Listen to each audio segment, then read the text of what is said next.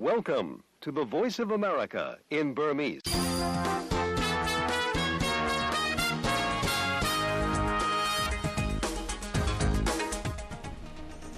မင်္ဂလာပါ VOA American အတန်ရဲ့2024ခုနှစ်ဇန်နဝါရီလ21ရက်တနင်္ဂနွေနေ့မနက်ဘက်ရေဒီယိုရုပ်သံအစီအစဉ်တွေကို American ပြည်ထောင်စု Washington DC မြို့တော်ကနေတိုက်ရိုက်စတင်ထုတ်လွှင့်နေပါပြီ။ ဒါအပြင် VOA ရဲ့ website, Facebook, YouTube စာမျက်နှာတွေကပါတပြိုင်နက်တည်းစတင်ထုတ်လွှင့်နေပါပြီ။ကျွန်တော်ကဇော်မိုးကျော်ပါခင်ဗျာဒီကနေ့မနက်ဘက်အတန်လွှင့်အစီအစဉ်တွေကိုတာဝန်ယူတင်ဆက်သွားမှာပါ။ဂါဇာမှာဟာမတ်စ်အဖွဲ့ကဖမ်းထားတဲ့အစ္စရေးဒဇာကန်တွေရဲ့မိသားစုဝင်တွေဟာအစ္စရေးဝန်ကြီးချုပ်ဘင်ဂျမင်နေတန်ညာဟုရဲ့နေအိမ်အပြင်ဘက်မှာစနေနေ့ကဆန္ဒပြခဲ့ကြပါတယ်။ ရုရှားကယူကရိန်းကိုကျူးကျော်တဲ့စစ်နှစ်နှစ်ပြည့်ဖို့နီးလာချိန်မှာပဲယူကရိန်းရဲ့တောင်းဆိုထားတဲ့အတိုင်းလက်နက်ခဲယမ်းတွေတိုးမြှင့်ထောက်ပံ့သွားမယ်လို့ EU ဥရောပသမဂ္ဂအဖွဲ့ကကြေညာပါတယ်။ရှမ်းပြည်နယ်မြောက်ပိုင်းမှာတရုတ်ရဲ့ဂျားဝင်စီစံမှုနဲ့စစ်ကောင်စီနဲ့ညီနောင်မဟာမိတ်သုံးဘွဲ့ကြားယာယီအပြစ်ရထားပေမဲ့စစ်ကောင်စီဘက်ကဆက်လက်ပစ်ခတ်နေတယ်လို့ညီနောင်မဟာမိတ်သုံးဘွဲ့ကသတင်းထုတ်ပြန်ပါတယ်။အခုလိုနောက်ဆုံးရသတင်းတွေပြီးမှာတော့မလေးရှားမှာယာနဲ့ချီတဲ့မြန်မာနိုင်ငံသားတွေ အဖမ်းဆီးခံရတဲ့အကြောင်းသတင်းပေးပို့ချက်ကိုဥစွာတင်ပြပါမယ်။အဲဒီနောက်မှာတော့ဒို့အဒန်ဒီမိုကရေစီနဲ့ခေတ်ပြိုင်ကဘာအာရှနိုင်ငံရေးလေယာစီးပွားသတင်းများဥရုယာဒီနဲ့အနာဂတ်ကဘာစတဲ့အပတ်စဉ်ကဏ္ဍတွေကိုဇက်တိုက်ထုတ်လွှင့်ပေးဖို့စီစဉ်ထားပါတယ်။အခုတော့သတင်းတွေကိုဒေါက်ခင်မျိုးသက်ကပြောပြပေးပါမယ်။ဂါဇာမှာဟာမတ်စ်အဖွဲ့ကဖမ်းထားတဲ့အစ္စရေးဒဇာကန်တွေရဲ့မိသားစုဝင်တွေဟာအစ္စရေးဝန်ကြီးချုပ်ဘန်ဂျမင်နတန်ယာဟုရဲ့နေအိမ်အပြင်ဘက်မှာ စနေနေ့ကဆန္ဒပြခဲ့ကြပါတယ်။အဖမ်းခံရသူတွေလွတ်မြောက်ရေးအတွက်အစိုးရအနေနဲ့ပြက်ပြက်သားသားလုပ်ဖို့အတွက်တောင်းဆိုကြတာပါ။တပြိုင်တည်းမှာပဲ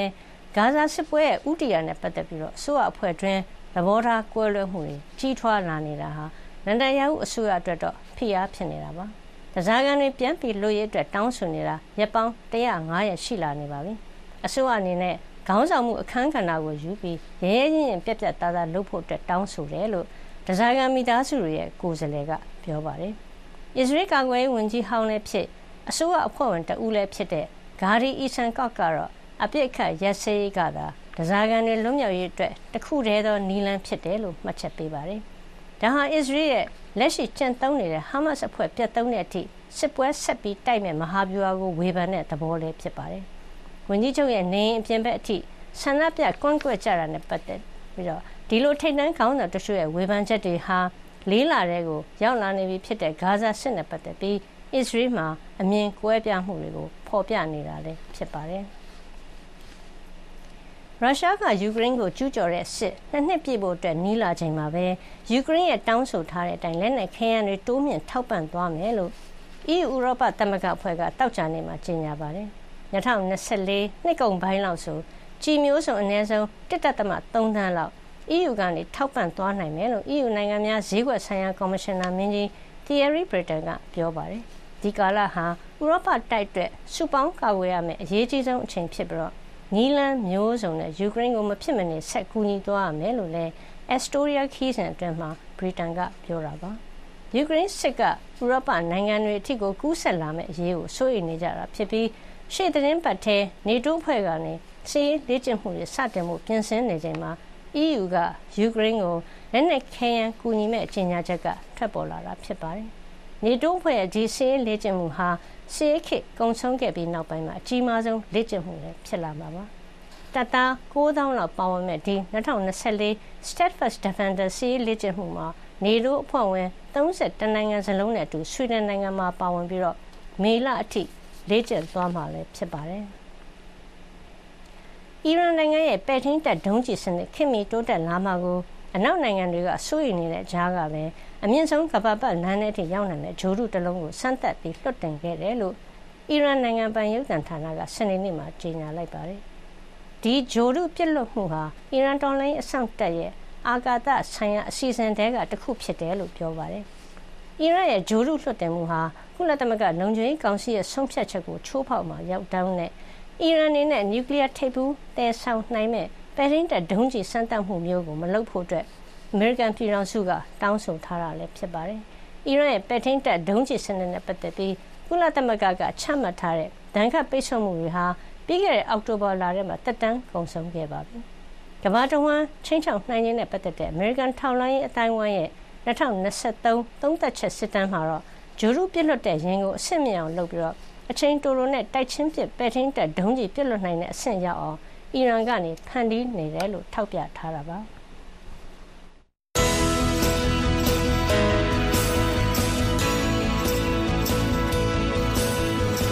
VOA American တန်မနေ့ဖက်မြန်မာဘာသာအစီအစဉ်တွေကိုမနေ့6နာရီကနေ9နာရီထိလိုင်းဒိုမီတာ32 kHz 9335နဲ့9383ညလိုင်းဒိုမီတာ49 kHz 6153ည ပထမနိုင်ဝက်မှာလှိုင်းလက်မီတာ190 kHz 1505တို့ကနေပြီးထုတ်လွှင့်ပေးနေပါတယ်ရှင်တနင်္ဂနွေမနက်ခင်း VOA ရဲ့နောက်ဆုံးရသတင်းတွေကိုဆက်လက်ပြီးတော့ပြောပြပေးနေပါတယ်။ရှမ်းပြည်နယ်မြောက်ပိုင်းမှာတရုတ်နိုင်ငံရဲ့ဂျောင်းဝင်စစ်ဆက်မှုနဲ့စစ်ကောင်စီနဲ့တိုင်းဒေသညီနောင်မဟာမိတ်သုံးဖွဲ့ကြားယာယီအပြစ်ထက်ခတ်ရက်စဲထားပေမဲ့စစ်ကောင်စီဘက်ကနေလက်နက်ကြီးနဲ့ပစ်ခတ်တာတွေဆက်ပြီးရှိနေတယ်လို့ ညီနောင်မဟာမိတ်သုံးဖွဲ့ရဲ့စနေညပိုင်းသတင်းထုတ်ပြန်ချက်မှာဖော်ပြထားပါတယ်။လာရှိုးမြို့နယ်နန့်တွန်ကျေးရွာအခြေစိုက်စစ်ကောင်စီတပ်စခန်းဘေးကနေနေဆက်တရားဘက်ကိုလက်နက်ကြီးနဲ့၃ချိန်ပစ်ခတ်တိုက်ခိုက်ခဲ့တယ်လို့ပြောပါတယ်။စစ်ကောင်စီကိုညီနောင်သုံးဘက်ကနေထိုးစစ်ဆင်ပြီးစတင်ခဲ့တာဟာဇန်နဝါရီ20ရက်နေ့မှာဆိုရင်86ရက်ရှိလာပြီဖြစ်ပါတယ်။ရခိုင်ပြည်နယ်ပေါတောနဲ့မင်းပြားမြို့နယ်တွေဘက်မှာတော့မဟာမိတ်ဖွဲ့ဝင်ရခိုင်တပ်တော် AA နဲ့စစ်ကောင်စီတို့ကြား မြို့ရင်းတိုက်ပွဲတွေဟာနေ့စဉ်နှီးပါဆက်ဖြစ်နေတာဖြစ်ပြီးတိုက်ပွဲတွေအတွင်းစစ်ကောင်စီဘက်ကလက်နက်ကြီးလေကြောင်းနဲ့ရေကြောင်းကနေအပြင်းထန်ပစ်ခတ်တိုက်ခိုက်နေတယ်လို့ညီနောင်သုံးဘက်ကသတင်းထုတ်ပြန်ပါတယ်။မြောက်ဦးကြောက်တော်ရသေးတောင်မြို့နယ်တွေမှာအခြေစိုက်တဲ့စစ်ကောင်စီရဲ့ခမရတိုင်ရင်တွေနဲ့အပြင်းထန်တိုက်ပွဲဖြစ်နေတာဖြစ်ပြီးရသေးတောင်မြို့နယ်မြောက်ပိုင်းကြောက်တန်းအောင်တာစီကျေးရွာနားကစစ်ကောင်စီအခြေစိုက်တပ်စခန်းနဲ့ထီးဆွဲကျေးရွာနားကစခန်းနှစ်ခုတို့က အခုရက်ပိုင်းထဲမှာပဲတင်းယူနိုင်ခဲ့တယ်လို့သတင်းထုတ်ပြန်ထားပါတယ်။တောင်ကိုရီးယားနိုင်ငံဆိုးမြို့မှာ2022ခုနှစ်တုန်းကကျင်းပခဲ့တဲ့ Halloween ပွဲတော်အတွင်းလူအုပ်စုပြိုကျတက်နေမိလို့လူပေါင်း160နီးပါးတေဆုံးခဲ့ရတာအတွက်ဆိုးမြို့တော်ရဲတပ်ဖွဲ့အကြီးအကဲကိုတာဝန်ပေါ့ဆမှုနဲ့အစိုးရရှင်းနေတွေကဆွဲချက်တင်လိုက်ပါတယ်။2022အောက်တိုဘာလထဲမှာ Halloween ပွဲတော်လုပ်နေတဲ့ဆိုးမြို့တော် အီတေးဝန်ရက်ကွက်မှာအချင်းချင်းတက်နေမိရာကနေလူပေါင်း159ဦးသေဆုံးခဲ့တဲ့ဖြစ်ရပ်အတွက်တာဝန်ရှိတယ်ဆိုပြီးဆိုးမြို့တော်ရဲတပ်ဖွဲ့အကြီးအကဲကင်ပွန်ဟိုးကိုတရားစွဲဆိုလိုက်တာပါ။ဤတေးဝန်ရက်ကွက်ဟာအဆောက်အဦတွေကြားမှာကျင်းမြောင်းတဲ့လမ်းတွေတာရှိတဲ့ဒေသဖြစ်ပြီးကိုဗစ်ကူးစက်မှုအတော့ကိုယိုနေလာချိန်မှာပထမဆုံးချိန်ဖြစ်တဲ့ကျင်းပခွင့်ရတဲ့ Halloween ပွဲလည်းဖြစ်တဲ့အတွက်လူငယ်တွေထောင်းနဲ့ချီးပြီးတွားရောက်ခဲ့ရကနေ အခုလိုသေဆုံးရတဲ့အထိဖြစ်ခဲ့ရတာပါလူတွေပြတ်သိပ်ပြီးဒီလမ်းကျောကိုဖျက်ဆီးသွားလာနိုင်နေဆိုတာကိုသိရသားနဲ့ဒေသအာဏာပိုင်တွေကရောရဲတပ်ဖွဲ့ကပါလုံခြုံရေးအစီအမံတွေကူညီဆောင်ရွက်ပေးတာမျိုးမရှိတဲ့အပြင်အခင်းဖြစ်နေချိန်မှာကယ်ဆယ်ဖို့အကူအညီတောင်းခဲ့တာတော့မှလုံလောက်တဲ့တုံ့ပြန်ဆောင်ရွက်မှုမျိုးမရခဲ့ဘူးလို့စုံစမ်းရေးကော်မရှင်ရဲ့မှတ်ချက်မှာဖော်ပြထားပါတယ်။တောင်ကိုရီးယားနိုင်ငံမှာရောကမ္ဘာမှာပါလူသိများကြော်ကြတဲ့ K-pop ခေတ်ပေါ်တေးသချင်းဗီဒီယိုကိုကြည့်ရှုတဲ့အတွက်မြောက်ကိုရီးယားဆယ်ကျော်သက်လူငယ်2ဦးကိုအလုတ်ကျန်းနဲ့ထောင်ဒဏ်12နှစ်ချမှတ်တဲ့ဗီဒီယိုကိုတောင်မြောက်ကိုရီးယားနှစ်နိုင်ငံတိုးတက်ရေးတုတေသနာအဖွဲ့ SAN ကထုတ်ပြန်လိုက်ပါတယ်။တောင်ကိုရီးယား K-pop ဗီဒီယိုကြည့်လို့ဆိုပြီးအသက်16နှစ်အရွယ်လူငယ်2ဦးကိုတခြားကျောင်းသားတစ်ထောင်လောက်ရှိမှပဲလက်ထိတ်ခတ်ထားရင်ပြည်ထန်ချမှတ်တဲ့ဗီဒီယိုကိုထုတ်ပြန်ခဲ့တာဖြစ်ပါတယ်။နိုင်ငံခြားယဉ်ကျေးမှုသွေးဆောင်ဖျက်ယောင်းခြင်းခံရတဲ့ဒီလူငယ်နှုတ်ကနောက်ဆုံးမှအခုလို ဘဝပြတ်သွားရတယ်လို့သတင်းကြေညာသူကပြောပါတယ်။ဒီဗီဒီယိုနဲ့ပတ်သက်ပြီးတိကျအတည်ပြုချက်မရတယ်လို့ဘယ်တော့မှရိုက်ထားရဲဆိုတာတေချာမသိရဘူးလို့ Reuters ကပြောပါတယ်။ဖောက်ပြန်တဲ့အတွေးခေါ်တိုက်ဖြတ်ရေးဥပဒေတရက်ကိုမြောက်ကိုရီးယားမှာ2020မှာစတင်ပြဋ္ဌာန်းခဲ့ပြီးတဲ့နောက်ပိုင်းတောင်ကိုရီးယားဖျော်ဖြေရေးရုပ်သံကိုကြည့်ရှုအားပေးသူတွေတောင်ကိုရီးယားလေသံအတုခိုးပြီးစကားပြောသူမှန်သမျှကိုပြင်းထန်တဲ့ထောင်ဒဏ်တွေချမှတ်လာခဲ့တာလည်းဖြစ်ပါတယ်။ Direct from Washington, the voice of America, VOA. သတင်းတွေကိုဒေါက်ခင်မျိုးသက်ပြောပြသွားတာပါခင်ဗျာအခုတော့အပတ်စဉ်ကဏ္ဍတွေမတိုင်မီသတင်းပေးပို့ချက်တစ်ပုဒ်ကိုဥစွာတင်ပြပါမယ်။ဇန်နဝါရီလ19ရက်နေ့တောက်ကြနေညကမလေးရှားနိုင်ငံဆလန်ကောပြည်နယ်အတွင်းတရားမဝင်နိုင်ငံသားတွေကိုဝင်ရောက်ဖမ်းဆီးခဲ့ရမှာမြန်မာနိုင်ငံသား200လောက်အဖမ်းခံခဲ့ရပါတယ်။ တရားမဝင် နိုင်ငံခြားသား960ကျော်ကို ဖမ်းဆီးခဲ့တယ်လို့ မလေးရှား လူဝင်မှုကြီးကြပ်ရေးဌာနက ထုတ်ပြန်ပါတယ်။တရားဝင် အထောက်အထားရှိသူတချို့လည်း ဖမ်းဆီးခံရတဲ့အထက်ပါသွားတယ်လို့ မြန်မာတချို့ကတော့ပြောပါတယ်။ VOA သတင်းတောက်မတ်အေးအေးမာက သတင်းပေးပို့ထားပါတယ်။ မလေးရှားနိုင်ငံဆာလန်ကောပြည်နယ်စမုံညင်းမြို့မှာဇန်နဝါရီလ19ရက်နေ့ည7:00နာရီကျော်အချိန်ကနိုင်ငံခြားသားတွေအများစုနေထိုင်ရာတိုက်ခန်းတွေနဲ့လူနေရပ်ကွက်တွေကိုမလေးရှားအာဏာပိုင်တွေကဝင်ရောက်ရှာဖွေဖမ်းဆီးမှုတွေလုပ်ခဲ့ပါတယ်။မလေးရှားလူဝင်မှုကြီးကြပ်ရေးဌာနအပါအဝင်ဌာနဆိုင်ရာအသီးသီးကစုစုပေါင်းဝန်ထမ်း450ကျော်ကစစ်ဆေးဖမ်းဆီးတဲ့စစ်စင်ရေးလုပ်ခဲ့ရမှာမြန်မာ200လောက် ဖမ်းဆီးခံခဲ့ရတယ်လို့မြန်မာရေးလှုပ်ရှားသူဦးစိုးထက်သိန်းက VOA ကိုပြောပါတယ်။မွန်ရင်းဆိုတာတော့တော့ကျွန်တော်တို့ဒီမှာအရင်ဗမာတွေအတွက်အထင်ကြီးဖြစ်တဲ့နေရာပေါ့။ဘာဖြစ်လို့လဲဆိုတော့အမှစမုံညင်းဖျားတို့ဘာလို့ရှိရလေ။ဟိုဟိုဗုဒ္ဓဘုရားကျောင်းရှိ။ဆိုတော့အဲ့နေရာအဲ့အဲ့ဒီအဲ့ဒီမြို့မှာဖမ်းခံရတာပါ။အားလုံးကလူပေါင်းလူပေါင်း950ကျော်ဖမ်းဆီးဖြစ်သေးတာပေါ့နော်။အထောက်အထားမပြည့်စုံတဲ့ဟိုစားပေါ့လူကတော့960မှတယောက်ဖမ်းခံတာအဲထိန်းသိမ်းခံတာပါတယ်မှာ အဲဒီထဲမှာတော့လူမျိုးစုံပါတယ်မှာပေါ့နော်ဆိုတော့ဘင်္ဂလားဒေ့ရှ်မြန်မာနီပေါအင်ဒိုနီးရှားပါကစ္စတန်သီရိလင်္ကာအိန္ဒိယကမ္ဘောဒီးယားပေါ့နော်ဆိုတော့နိုင်ငံပေါင်းစုံပါတဲ့ထဲမှာမြန်မာကအများဆုံးဖမ်းခံရတယ်လို့ကျွန်တော်တို့အခုသိသိနေရတယ်ပြီးတော့အယောက်200ဝန်းကျင်လို့တော့ပြောတယ်အမှမလေးရှားနိုင်ငံမှာအော်ပရာစီစစ်စင်ရေးလုပ်တဲ့အခါမှာတရားဝင်နေထိုင်သူရောတရားဝင်နေထိုင်ခွင့်လက်မှတ်မရှိသူတွေကိုပါသိမ်းကျုံဖမ်းဆီးခဲ့တယ်ဆိုပြီးပြောပါတယ်။ အိမ်တွေကိုချိုးဖျက်ဝင်ရောက်တာတွေလုပ်တဲ့အတွက်လူအခွင့်အရေးရှုထောင့်ကကြည့်ရင်မညီညွတ်ဘူးလို့လည်းပြောပါတယ်။ ဥပဒေရဲ့ကာကွယ်စောင့်ရှောက်မှုရပိုင်ခွင့်နဲ့အခြေခံလူလူခွင့်ရေးနဲ့တော့ညီညွတ်တာမျိုးတော့မဟုတ်ဘူးလူတယောက်ရဲ့အိမ်ကိုဝန်ထမ်းမပါပါဘာနဲ့ပြောကကြီးနဲ့ဖြတ်ဖြတ်ဝင်တူတွေနဲ့ထုဝင်နောက်ဆုံးဘလုံးမဝင်လို့မရဘူးဆိုရင်ခုနကအောက်စီကတာတွေနဲ့ပါဖြတ်ပြီးတော့မှဝင်တဲ့အတိုင်းအတာမျိုးပါအမဟုတ်ကပြည့်စုံတာတွေမပြည့်စုံတာတွေဘာမှပြောခွင့်မရှိဘူးမှာအဲ့ဒါတကယ်တမ်းကျတော့အမစင်တာကြီးပါ right မှမရတာတော့ပေါ့နော်ထောက်တာပြည့်စုံနေလဲငါ့မှာထောက်တာပြည့်စုံနေဒီမှာကြည့်ပါမရဘူးအမအကုန်ကားပေါ်တက်ပဲအကုန်လုံးလက်ထိတ်ကအကုန်လုံးအဲ့ဒီမှာဟိုတလုပ် ပဲငေါတုတ်ထိုင်မယ်အခုဖမ်းဆီးခံရသူတွေကိုတော့လူဝင်မှုကြီးကြပ်ရေးအဥပဒေ1959မြင်းဆောင်63ရအရေးယူသွားမှာဖြစ်ပြီးသူတို့ကိုဆက်လက်စုံစမ်းစစ်ဆေးဖို့အတွက်ဘူးကေအကျဉ်းထောင်လူဝင်မှုကြီးကြပ်ရေးဌာနမှာထိန်းသိမ်းထားပါတယ်။ဇန်နဝါရီလ18ရက်နေ့ကလည်းပြည်နယ်နှစ်ခုမှာမြန်မာတွေအဖမ်းခံရတာရှိတယ်လို့လည်းပြောပါတယ်။အဲမလာကာပြည်နယ်နဲ့ဂျိုးပြည်နယ်မှာကျွန်တော်တို့ပြောရင်ဖမ်းဆီးမှုရှိပါတယ်အမကြီး မြန်မာနိုင်ငံသားဆက်ဟို15ဦးပါအောင်ပေါ့နော်ဒီလူတယောက်နှစ်ဦးကိုတို့ဖမ်းဆီးခဲ့တယ်လို့ဒီမှုကြေရထုတ်ပြန်ထားတယ်အမကြီးမလေးရှားနိုင်ငံပီနန်းမြို့မှာလည်းဇန်နဝါရီလ23ရက်နေ့ညက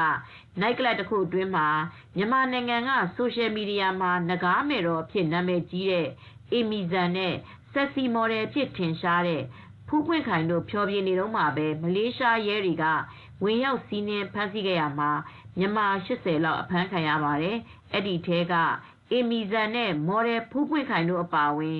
လူ30လောက်ကတော့အခုချိန်ထိဖမ်းဆီးစစ်ဆေးနေဆဲဖြစ်တာကြောင့်ပြန်မလွတ်သေးပါဘူး။မလေးရှားမှာတရားမဝင်နိုင်ငံသားတွေကိုဇက်တိုက်ဖမ်းဆီးနေပြီးအစုလိုက်အပြုံလိုက်လည်းမကြာခဏဖမ်းဆီးမှုတွေလုပ်နေတာဖြစ်ပါတယ်ရှင်။ ဒါကတော့ မလေးရှားမှာ မြန်မာတွေ အဖမ်းခံရတဲ့အကြောင်း VOA သတင်းတောက်မတ်အေးအေးမှပြောပြသွားတာပါ။ VOA ရဲ့ တနင်္ဂနွေနေ့ မနက်ပိုင်းအတန်လွင့်အစီအစဉ်တွေကို ဆက်လက်ထုတ်လွှင့်နေပါတယ်။အခုဆက်လက်ပြီးတော့အပတ်စဉ်ကဏ္ဍတွေကို တင်ဆက်ပါမယ် ပထမအဦးဆုံးအနေနဲ့ကတော့ ဒို့အတန်အစီအစဉ်ဖြစ်ပါတယ် ရခိုင်ပြည်နယ်မှာ မွတ်စလင်ចောင်းသားတွေ အထူးသဖြင့်တော့ရိုဟင်ဂျာလို့ခံယူထားတဲ့ လူငယ်တွေ ကျောင်းတက်ခွင့်အပါအဝင် ပညာရေးဆိုင်ရာ အခက်အခဲတွေ ကြုံတွေ့နေရပြီး ခွဲခြားဆက်ဆံခံရမှုတွေကို Frontier မြန်မာရဲ့ဒို့အတန်အစီအစဉ်များတင်ပြပေးထားပါတယ်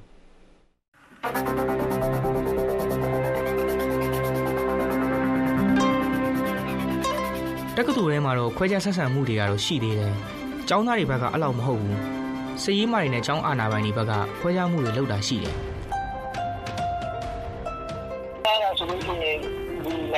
ဒီနိုင်ငံမှာနေရင်တော့အနာဂတ်မရှိဘူးအဲ့လိုပဲခံစားရတယ်။ အနာဂတ်ကောင်းမှုဆိုနိုင်ငံခြားသွားရမှာတခြားနိုင်ငံကိုထွက်ရမှာ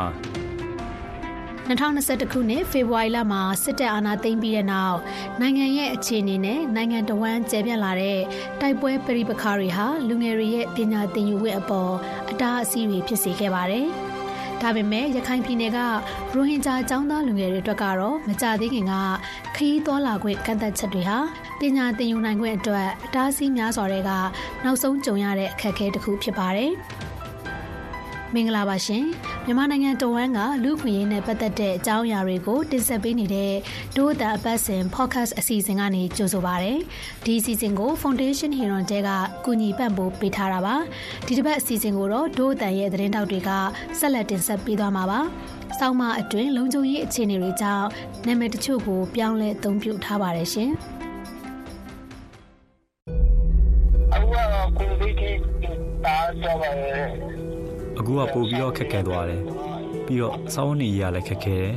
ပြီးတော့အလုပ်လည်းမရှိဘူးကိုမှအလုပ်ရှာပြီးလည်းလုပ်လို့မရဘူးကြောင်းတက်လို့လည်းမရဘူးကူကစစ်တွေတက္ကသိုလ်သွားဖို့ဆိုလို့ရှိရင်သွားလို့မရဘူးလမ်းကပိတ်ထားတယ်ကိုထွန်းထွန်းကစစ်တွေတက္ကသိုလ်ကစိတ်ပညာဘာသာရပ်အထူးပြုသင်ကြားနေတဲ့တက္ကသိုလ်ကျောင်းသားတူပါဒုတိယနှစ်အတန်းပြီးသွားတာကြောင့်မောင်တော်မှာရှိတဲ့သူ့စာတီးရွာကနေမှပြန်နေနေတာပါ အခုစာတင်နှစ်မှာတော့သူတတိယနှစ်ဆက်တက်မှာဖြစ်ပေမဲ့တက္ကသိုလ်ရှိရာကိုသူပြန်မသွားနိုင်သေးပါဘူး။ဘာကြောင့်လဲဆိုတော့အခုရခိုင်ပြည်မှာမြန်မာစစ်တပ်နဲ့ရခိုင်တပ်တော်တို့ကြားတိုက်ပွဲတွေနဲ့တကြောပြန်စစ်မီတောင်းနေရကြောင်းပါ။စစ်ကောင်စီဘက်ကရခိုင်ပြည်နယ်တွင်ကုန်းလန်းရေလန်းကလမ်းပန်းဆက်သွယ်ရေးတွေကိုလည်းပိတ်ဆို့ကန့်သတ်ထားပါတယ်။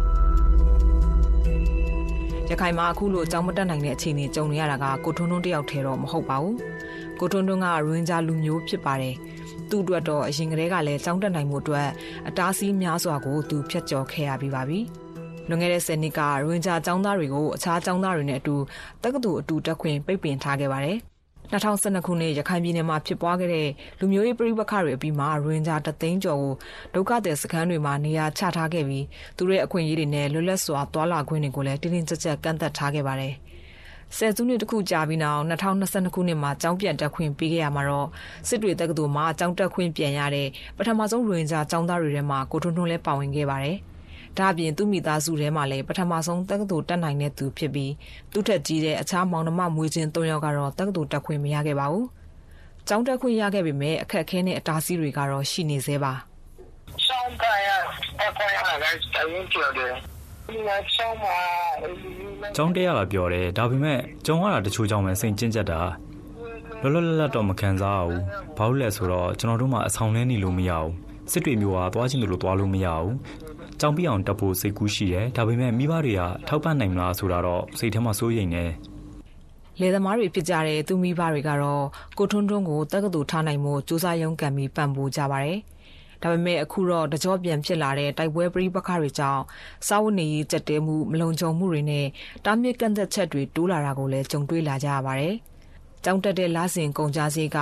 ရွင်ဂျာကျောင်းသားအများစုအတွက်အနည်းဆုံး၄သိန်းဝန်းကျင်ရှိနေပါတယ်။ဈေးစကတက်တာပြီးတလောက်မြန်မာငွေ2000ဝန်းကျင်လောက်သာပေးရတဲ့စစ်တွေတက္ကသိုလ်အဆောင်တွေမှာလည်းရွင်ဂျာကျောင်းသားတွေကိုနေခွင့်မပြုပါဘူး။ ဒါကြောင့်ကျောင်းသားဝန်းကျင်ကအိမ်တွေအဆောင်တွေမှာကျောင်းသားတွေစုပေါင်းငှားနေကြပြီးဈေးစကားကအနည်းဆုံးနှစ်ဆလောက်ပိုကုန်ကြရပါတယ်ကိုမင်းမင်းကကိုထွန်းထွန်းနဲ့တနေ့ထဲအတန်းတူတက်ရောက်နေတဲ့စစ်တွေတက္ကသိုလ်ကနောက်ထပ်ရိုဝင်ဂျာကျောင်းသားတို့ပါလေယာလောက်ကင်ကြတဲ့သူမိဘတွေပေါ့သူចောင်းစိတ်တက်တာစီဖို့ចောင်းဆောင်တွေမှာနေခွင့်ရမလားဆိုပြီးကိုမင်းမင်းလည်းစူးစမ်းကြည့်ခဲ့ဘူးပါတယ်ဒါပေမဲ့သူနေခွင့်မရပါဘူး ကျောင်းကကျောင်းသားတွေအားလုံးဝမ်းအဲတောင်းပြီးတော့ ကျောင်းဆရာ ဆရာမတွေကို ပြောကြတယ်အဲဒါမဲ့ ကျွန်တော်ကို နေဝမပြေပါဘူး သူကလူပြောတယ်အဖေတကူမှလူမျိုးမဆူလို့ဒီကကျောင်းသားတွေနဲ့ဟိုရင်ကကျောင်းသားတွေနဲ့ အတူတူနေဝင်ပြင်းနေနေဒီကြည့်ကြမယ်တကူကူဖြစ်တွရင်အဲဆောင်းဘုံပြကချမ်းမယ် အဲ့တော့ကျွန်တော်တို့ နေပွန်ပြလို့မရဘူးအဲ့လိုဖြစ်ကြတယ်ဒါပေမဲ့2022ခုနှစ်မှာအကြောင်းပြန်တက်ခွင့်ပေးပြီးကတည်းကမတူညီတဲ့လူမျိုးစုចောင်းသားတွေကြားမပြေလည်မှုတွေနဲ့ပြိပခါတွေမရှိကြဘူးဆိုတာကိုတိတိတသားမြင်နိုင်ပါတယ်။ရခိုင်ပြည်ចောင်းသားသမဂ္ဂကရခိုင်ចောင်းသားတဦးဖြစ်သူကိုဦးတန်းနိုင်ကတော့ចောင်းပြန်တက်ခွင့်ပေးတဲ့ပေါ်အပြည့်အဝထောက်ခံတယ်လို့ဆိုပါတယ်။ဒါပေမဲ့ចောင်းတာဝန်ရှိသူတချို့ရဲ့ပြုမှုဆက်ဆံမှုတွေနဲ့ပတ်သက်လို့တော့သူ့အမြင်ကိုအခုလိုပြောပါတယ်။ဟို သူတို့အနေနဲ့ကတော့ဒီရခိုင်ပြည်မှာရှိရပေါ့နော်ဒီမွတ်စလင်တွေကိုတကယ်ရှုံးနေထားတယ်လို့ပဲ ကျွန်တော်တို့အနေနဲ့ သုံးသပ်တယ်။ဘာလဲဆိုတော့ လက်ရှိဒီလန်ခဲနိုင်ကားဆိုရင်ပေါ့နော်လန်ခဲနိုင်လောက်ကဆိုရင်ဒီမွတ်စလင်တွေကိုကြောက်တဲ့ခွင့်ပေးရရှိရပေါ့နော်။ ဆိုတော့ ကျွန်တော်တို့အနေနဲ့လည်း သူတို့နဲ့ အများကြီး ပူးပေါင်းဆောင်ရွက်ပြီးတော့ အလုပ်လုပ်ခဲ့တာရှိတယ်။သူတို့ဒီလက်ရှိဖိုင်မှာရှိတဲ့ဒီမွတ်စလင်တွေကြောက်တက်ခွင့်ရရှိရေးကိုပေါ့နော်။ဆိုတော့ ကျွန်တော်တို့အနေနဲ့ အများကြီး ပူးပေါင်းလုပ်ဆောင်ခဲ့တာရှိတယ်။ဒါနဲ့ပတ်သက်လို့ ဒိုးတန်အနေနဲ့ စစ်တွေတက္ကသိုလ်က သက်ဆိုင်တဲ့ တာဝန်ရှိသူစီက မှတ်ချက်တစုံတရာ မရသေးပါဘူး။ ဒါပေမဲ့ရိုဟင်ဂျာကျောင်းသားအရေးလှုပ်ရှားသူကျောင်းသားကိုဖြိုးကတော့ကျောင်းတာဝန်ရှိသူတွေဘက်ကလှုပ်ဆောင်တဲ့ကျောင်းတွင်းခွဲခြားမှုလုပ်ရအများပြားကိုကြားသိရတာတွေရှိနေပါတယ်။လုံခြုံရေးချီနေကြောင်းကိုဖြိုးရဲ့အတန်ကိုအတန်အစားထိုးဖတ်သွားမှာဖြစ်ပါတယ်။တက္ကသိုလ်ထဲမှာတော့ခွဲခြားဆက်ဆံမှုတွေကတော့ရှိသေးတယ်။ကျောင်းသားတွေဘက်ကအဲ့လောက်မဟုတ်ဘူး။စည်ရေးမာတွေနဲ့ကျောင်းအာဏာပိုင်တွေဘက်ကခွဲခြားမှုတွေလုပ်တာရှိတယ်။ဥပမာရိုဟင်ဂျာကျောင်းသားတယောက်ကကျောင်းသားရေးရဌာနကိုသွားရဆိုမလုပ်ပေးရမျိုးတွေ အချိန်ဆွဲတာမျိုးတွေမတိဟန်ဆောင်တာမျိုးတွေရှိတယ်။ပြီးရင်ရိုဟင်ဂျာတွေကိုကျောင်းမှာရှိတဲ့အဆောင်တွေမှာအခုထိနေခွင့်မပေးတာမျိုးတွေရှိတယ်။ပြီးတော့တက္ကသိုလ်ကပေးတဲ့ငွေကြေးထောက်ပံ့တဲ့ scholarship တွေကိုမပေးဘူး။ဒါအပြင်ရိုဟင်ဂျာကျောင်းသားတွေရဲ့လွတ်လပ်စွာပညာသင်ကြားခွင့်လည်းတန်းတူရရှိဖို့ဝေးနေသေးတဲ့အခြေအနေလို့ကိုဖြိုးကထောက်ပြပါတယ်။ ရခိုင်မှာတက္ကသိုလ်ကောလိပ်9ခုရှိပြီးအဲ့ဒီထဲမှာရိုဟင်ဂျာကျောင်းသားတွေဟာစစ်တွေတက္ကသိုလ်ကိုသာတက်ရောက်ခွင့်ရကြတာဖြစ်ပါတယ်။ကျောင်းရွေးချယ်ရာမှာလည်းဤပညာတက္ကသိုလ်၊ကွန်ပျူတာတက္ကသိုလ်တို့လိုအသက်မွေးဝမ်းကျောင်းတက္ကသိုလ်ကောလိပ်တွေတက်ရောက်ခွင့်မရသလိုဥပဒေဘာသာရပ်သင်ခွင့်မရတာလိုဘာသာရပ်ရွေးချယ်ခွင့်တွေလည်းကန့်သက်ခံထားရဆဲပါ။ကျောင်းပြီးတဲ့အခါအဆင့်မြင့်မာစတာတန်းတွေလည်းတက်ရောက်ခွင့်မရှိပါဘူး။ င်ဂျာတွေဟာခရီးသွားလာခွင့်ကန့်သက်ချက်တွေနဲ့အများစုဟာနိုင်ငံသားမှတ်ပုံတင်ကံမရှိတာတွေကြောင့်အခက်အခဲနဲ့စိန်ခေါ်မှုတွေကိုရင်ဆိုင်နေကြရဆဲပါရှိခဲ့ပြီးသားနိုင်ငံသားမှတ်ပုံတင်ကတ်တွေကိုလည်းအရင်အစိုးရအဆက်ဆက်ကရိုဟင်ဂျာတွေစီကနေပြန်လည်ရုပ်သိမ်းခဲ့တာကြောင့်အခုချိန်မှာအများစုဟာနိုင်ငံသားအဖြစ်အတိမတ်မပြုတ်သေးတဲ့နိုင်ငံသားစီစစ်ခံယူမဲ့သူရဲ့တက်သေးခံကပ်ပြားဆိုတာကိုသာကင်ဆောင်ခွင့်ရကြပါတယ်။ ဒါတွေကြောင့်ကိုထွန်းထွန်းနဲ့ကိုမင်းမင်းတို့လိုနေဝေးကလာတဲ့ရိုဟင်ဂျာចောင်းသားတွေအတွက်ចောင်းလာတက်ခွင့်ရဖို့ခရီးသွားလာခွင့်ခွင့်ပြုချက်တစ်ခုလိုအပ်ပါတယ်။ဒါကအစိုးရရန်တရားရဲ့မကောင်းတဲ့အချက်တစ်ခုထဲမှာပါဝင်ပါတယ်။ရိုဟင်ဂျာအရေးတက်ကြွလှုပ်ရှားသူကိုနေစန်းလွင်ကတော့အစိုးရအဆက်ဆက်မှာရိုဟင်ဂျာတွေရဲ့လူလက်စွာပညာသင်ကြားခွင့်ကိုဖိနှိပ်မှုတွေကလူမျိုးတုံးတက်ဖြတ်မှုရဲ့တစ်စိတ်တစ်ပိုင်းဖြစ်တယ်လို့ပြောပါတယ်။တော့ဒီလူမျိုးဒီ community တစ်ခုလုံးပျက်စီးဖို့အတွက်ကပညာရေးကအမတန်ရေးကြီး ဒီလူမျိုးမှာပညာတတ်နေသူရဲ့ဒီလူမျိုးကိုဘယ်လိုမှဖျက်ဆီးလို့ရမှာမဟုတ်ဘူး။ဘာကြောင့်လဲဆိုတော့ဒီပညာတတ်တိုင်ဝိုင်းကဒီလူတွေရှင်တန်ဖို့ရဖို့အတွက်ဖက်ပေါက်တွေရှာတယ်အဓိကဒီပညာရေးကိုပိတ်ဆို့လိုက်မယ်ဆိုရင်ပညာမဲ့တွေဖြစ်သွားမယ်ဆိုလို့ရှိရင်ဒီလူမျိုးကိုဖျက်ဆီးဖို့ပို့ပြီးတော့လွယ်ကူမယ်ဆိုတော့ရည်ရွယ်ချက်နဲ့ဒီပညာရေးကိုကန့်သက်ခဲ့တယ်သူတို့ဒါကအဲပညာရေးကိုဒီလိုကန့်သက်လိုက်တာကဒါလူမျိုးတုံးတက်ဖြတ်မှုရဲ့စိတ်ပိုင်းတစ်ခု ဒါကြောင့်ရိုဟင်ဂျာចောင်းသားတွေဟာတက္ကသိုလ်တက်နိုင်မှုသူတို့ရဲ့နိုင်ငံသားပြဿနာနဲ့ဆက်ဆက်နေတဲ့ခရီးသွားလာခွင့်အခက်အခဲတွေအပြင်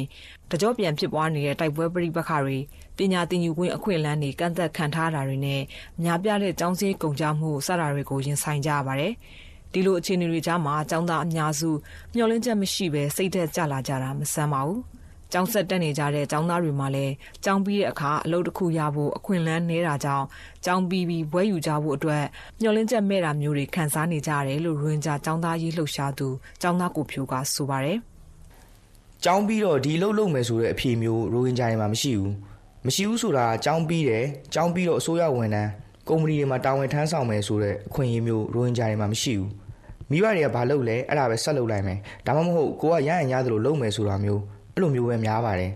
ရိုဟင်ဂျာတွေမှာငါကပညာတတ်တယ်ဆိုငါဒါလုပ်လို့ရမယ်ဆိုတဲ့မျှော်လင့်ချက်မျိုးမရှိဘူးကိုထွန်းတို့အတွက်တော့မြန်မာနိုင်ငံမှာနေရတာကသူ့အတွက်အနာဂတ်မင်းနေတာကြောင့်နိုင်ငံရခြားထွက်ခွာပြီးဘဝသစ်စနိုင်မှုမျှော်လင့်နေပါတယ်နိုင်ငံခြားသွားလို့ရတယ်ဆိုစီးပွားရေးတစ်ခုခုလုပ်မယ် သွားလို့မရဘူးဆိုရင်ရွာမှာပဲစားပြစားမယ်ဒီနိုင်ငံမှာနေရင်တော့အနာဂတ်မရှိဘူးအဲ့လိုပဲခံစားရတယ်အနာဂတ်ကောင်းမှုဆိုနိုင်ငံခြားသွားရမှာတခြားနိုင်ငံကိုထွက်ရမှာ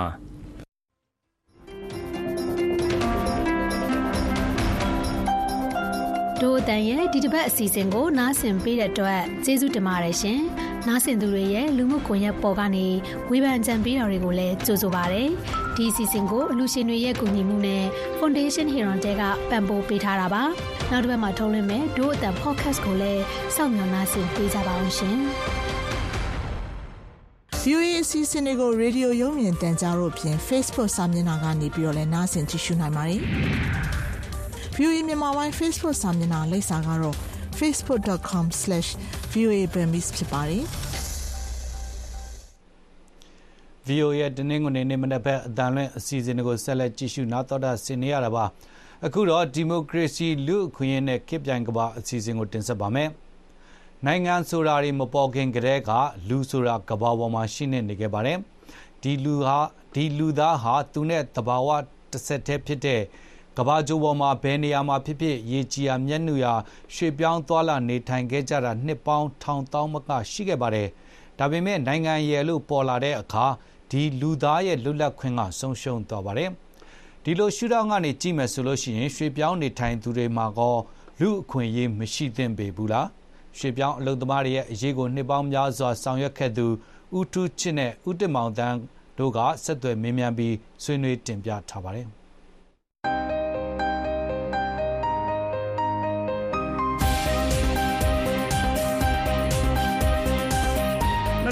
23ခုနှစ်ဟာရွှေပြောင်းနေထိုင်ဖို့ကြိုးစားကြသူတွေအများဆုံးနှစ်ဖြစ် စံချိန်တင်လိုက်ပါတယ်။ရွှေပြောင်းနေထိုင်ကြသူတွေမှာတော့လူခွင့်ရေးမရှိသင့်ဘူးလား။ဒီအကြောင်းကိုဆွေးနွေးပေးဖို့ကျွန်တော်ဖိတ်ခေါ်ထားသူကတော့ပညာရေးနဲ့ဖွံ့ဖြိုးတိုးတက်ရေးဖောင်ဒေးရှင်း FED ရဲ့အမှုဆောင်ဒါရိုက်တာဦးထွချစ်ဖြစ်ပါတယ်။ဦးထွချစ်ကထိုင်းနိုင်ငံမှာအခြေစိုက်ပါတယ်။မင်္ဂလာပါကိုထွချစ်ဟုတ်ကဲ့ဗျမင်္ဂလာပါဗျဟုတ်ကဲ့လက်ရှိအခြေအနေမှာ ပို့ပြီးထိုင်းနိုင်ငံအတွေ့အကြုံကပြောရင်ပို့ပြီးတိုးများလာပါသလားရွှေပြောင်းလာပုံလာကြပုံကရောအရင်တုန်းကလည်းဘယ်လိုများခွာခြားသွားပါသလဲခင်ဗျထိုင်းနိုင်ငံမှာကျွန်တော်တို့ဒီရွှေပြောင်းအလုပ်သမားအရေးကိစ္စကိုဆောင်ရွက်နေတာအခုဆိုရင်ကျွန်တော်တို့နှစ်ပေါင်း23နှစ်ပြည့်ခဲ့တာပေါ့နော်ဒါပြီးခဲ့တဲ့ဒီဇင်ဘာတွေကပေါ့ဒါကျွန်တော်တို့ဒီဟိုကျွန်တော်တို့အတွေ့အကြုံရဆိုလို့ရှိရင်ခါတိုင်းပေါ့ဒီမြန်မာပြည်ထဲမှာလူခွင့်ရေးချိုးဖောက်မှုတွေများတယ်နိုင်ငံရေးဟိုမတည်ငြိမ်မှုတွေ ဖြစ်လာတယ်ဆိုလို့ရှိရင်ပုံများလာတယ်ပေါ့နော်ဒါကျွန်တော်တို့ဟို88တုန်းကလူမျိုးတစ်ခါကြုံခဲ့ဘူးတယ်ဒါရှီလောင်းလူသမားတွေတော်ပုံများလာတယ်အခုကျွန်တော်တို့ပို့ပြီးတော့သတိထားကြည့်တာကကျွန်တော်တို့ဒီ2021ပေါ့နော်ဒီအစစ်အာဏာသိမ်းပြီးတဲ့နောက်ပိုင်းမှာကျွန်တော်တို့ကဒါဟိုတီးတီးတာတာနဲ့ကျွန်တော်တို့တစ်ခါမှဟိုမကြုံဘူးမတွေ့ဘူးတဲ့ပုံစံမျိုးနဲ့နီလန်းစုံနဲ့ကျွန်တော်တို့ရှေ့ပြောင်းဝင်ရောက်လာတာကျွန်တော်တို့တွေ့နေရတယ်ကိုထုချစ်ရဲ့အတွေ့အကြုံများပြောလို့ရှိရင် ပြောင်းနေထိုင်ရတဲ့အခါမှာသူတို့အတွက်အကြီးဆုံးအခက်အခဲကဘာများဖြစ်တယ်လဲခင်ဗျအခက်ခဲတွေကတော့ဗျာအများကြီးရှိတယ်ဒါပေမဲ့အကြီးဆုံးလို့ဟိုပြောမယ်ဆိုလို့ရှိရင်တော့တခွန်းပဲပြောရမယ်ဆိုတော့ဒီတရားဝင်ဟိုတရားဝင်မှုဆိုတဲ့ပြဿနာကအကြီးဆုံးပဲနောက်တစ်ချိန်တည်းမှာပဲဟိုတက်ဆိုင်ရာပေါ့နော်ဒီနိုင်ငံတွေအနေနဲ့ဘလောက်ကျွန်တော်တို့ဒီတာဝန်ယူမှုရှိလဲပေါ့ဒါကလည်းဒီတာဝန်မယူတဲ့ဟိုနိုင်ငံကလာတဲ့အလုပ်သမားတွေဘက်ကအဲ့အဲ့ဒီကိစ္စကလည်း ဟိုတော်တော်လေးကိုဟိုအကြီးမားတဲ့အခက်ခဲလို့ကျွန်တော်တို့အနေနဲ့ပြောလို့ရတယ်ဒီသူတို့ရဲ့ဘဝတောင်းကနေပေါ့နော်သူတို့ကတော့လူခွင့်ရေးဆိုတာကိုဘယ်လိုများခံစားရှုမြင်ပါသလဲဒီလူခွင့်ရေးနဲ့ပတ်သက်ပြီးအရင်တုန်းကအမြင်နဲ့အဲအခုအမြင်ရောကွာသွားတာရှိပါလားကွာရဲဆိုရင်ရောဘာတွေဘယ်လိုကွာသွားပါလဲခင်ဗျအကျန်းအဖြစ်တော့နှစ်ပိုင်းရှိတယ်ဥပမာဖြစ်တရားဝင်မှုပေါ့နော်တရားဝင်ကျွန်တော်တို့ဒီလာတဲ့ ရွှေ့ပြောင်းလူသမားနဲ့ကျွန်တော်တို့ဒီတရားမဝင်ဘူးပေါ့နော်ဒီထိုင်းနိုင်ငံတွေကိုနီလန်းပေါင်းစုံနဲ့လာတဲ့တရားမဝင်နဲ့ရွှေ့ပြောင်းလူသမားဆိုတာအဲ့ဒီရဲ့ဟိုဒဲမှာလဲကျွန်တော်တို့ကတော်တော်လေးကိုဟိုပါပေါ့ဒီလူလူခွင့်ရေးပေါ့အဓိကအဖြစ်တော့အလုပ်သမားခွင့်ရေးနဲ့ပတ်သက်ပြီးတော့အများကြီးသူပြဿနာတွေကြုံခဲ့ရတယ်မျိုးကျွန်တော်တို့ဖြည့်ရှင်းပေးခဲ့ရတယ်ရှိတယ်ဥပမာဖြစ် ဟိုအလုတ်လုတ်အားပေါ့နော်ဒီဟိုလုတ်အားကဟိုထိုင်းဆိုးကတတ်မှတ်ထားတဲ့လောက်မရတာတို့နောက်တစ်ခုကဟိုအလုတ်သမားတွေရဲ့ခံစား권ကျွန်တော်တို့အစောကပြောတဲ့လူမှုဖူလုံရေးခံစား권တွေဟိုထိုင်းဆိုးရကတတ်မှတ်ထားတဲ့ဟာကျွန်တော်တို့တတ်တက်ကြီးတောင်းဆိုတာမျိုးမဟုတ်ပဲねထိုင်းဆိုးကတတ်မှတ်ထားတဲ့ဟာတွေတော့မှပဲဟိုမရတာမျိုးတွေဟိုကျွန်တော်တို့ကြုံရတယ်အဓိကတော့ကျွန်တော်ဒီနေ့အားကောင်းလာတာကအခုနောက်ပိုင်းပေါ့နော်ကျွန်တော်တို့ခိုးရခင်းနေမတူဘဲねအခုရှစ်ပြောင်းလာတဲ့တချို့လူအများကြီးကတော့သူတို့ရဲ့အခွင့်အရေးကို တစုံတရာဟိုနားလေတဲ့လူမျိုးတွေတွေ့ရတယ်။ဘာဖြစ်လို့လဲဆိုတော့ကျွန်တော်တို့ကခါတိုင်းလိုမျိုးကျွန်တော်တို့ကဒီဟိုအလုတ်သမားအခွင့်ဟိုကျွန်တော်တို့နိုင်ငံထဲမှာလူခွင့်ရေးချိုးဖောက်လို့လွတ်အားလာစာနဲလို့ဆိုတော့ဟိုစာဒီအဲ့လောက်နဲ့ပဲကျွန်တော်တို့လာတဲ့အလုတ်သမားတွေမဟုတ်တော့အခုကကြတော့တကယ်ကိုတတိပညာရှင်တွေရောဟို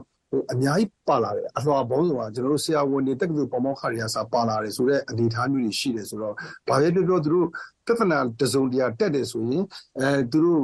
ဘယ်လူမျိုးအဖွဲ့အစည်းဘယ်လူပုဂ္ဂိုလ်တွေကိုဆက်သွယ်အကူအညီတောင်းရမလဲဆိုတာလေးတွေကတော့ကျွန်တော်တို့ဟိုတွေ့လာတော့ဗောဗျာအခုနောက်ပိုင်းပို့ပြီးတော့ကုလသမဂ္ဂကပြောတာကတော့ပေါ့နော်ဆိုတော့အစိုးရတွေဟာရွှေပြောင်းနေထိုင်ကြသူတွေရဲ့ဘဝကအသိမ်းဆောင်မခံတဲ့ဘဝ တတိပြောရင်သူတို့ရဲ့ဘဝအနေထားကိုကနှိုင်းရှင်မှုရအားနေတဲ့သဘောတွေကိုအတိမတ်ပြုဖို့ဒါကနဦးလိုအပ်ချက်ဖြစ်တယ်လို့ပြောပါတယ်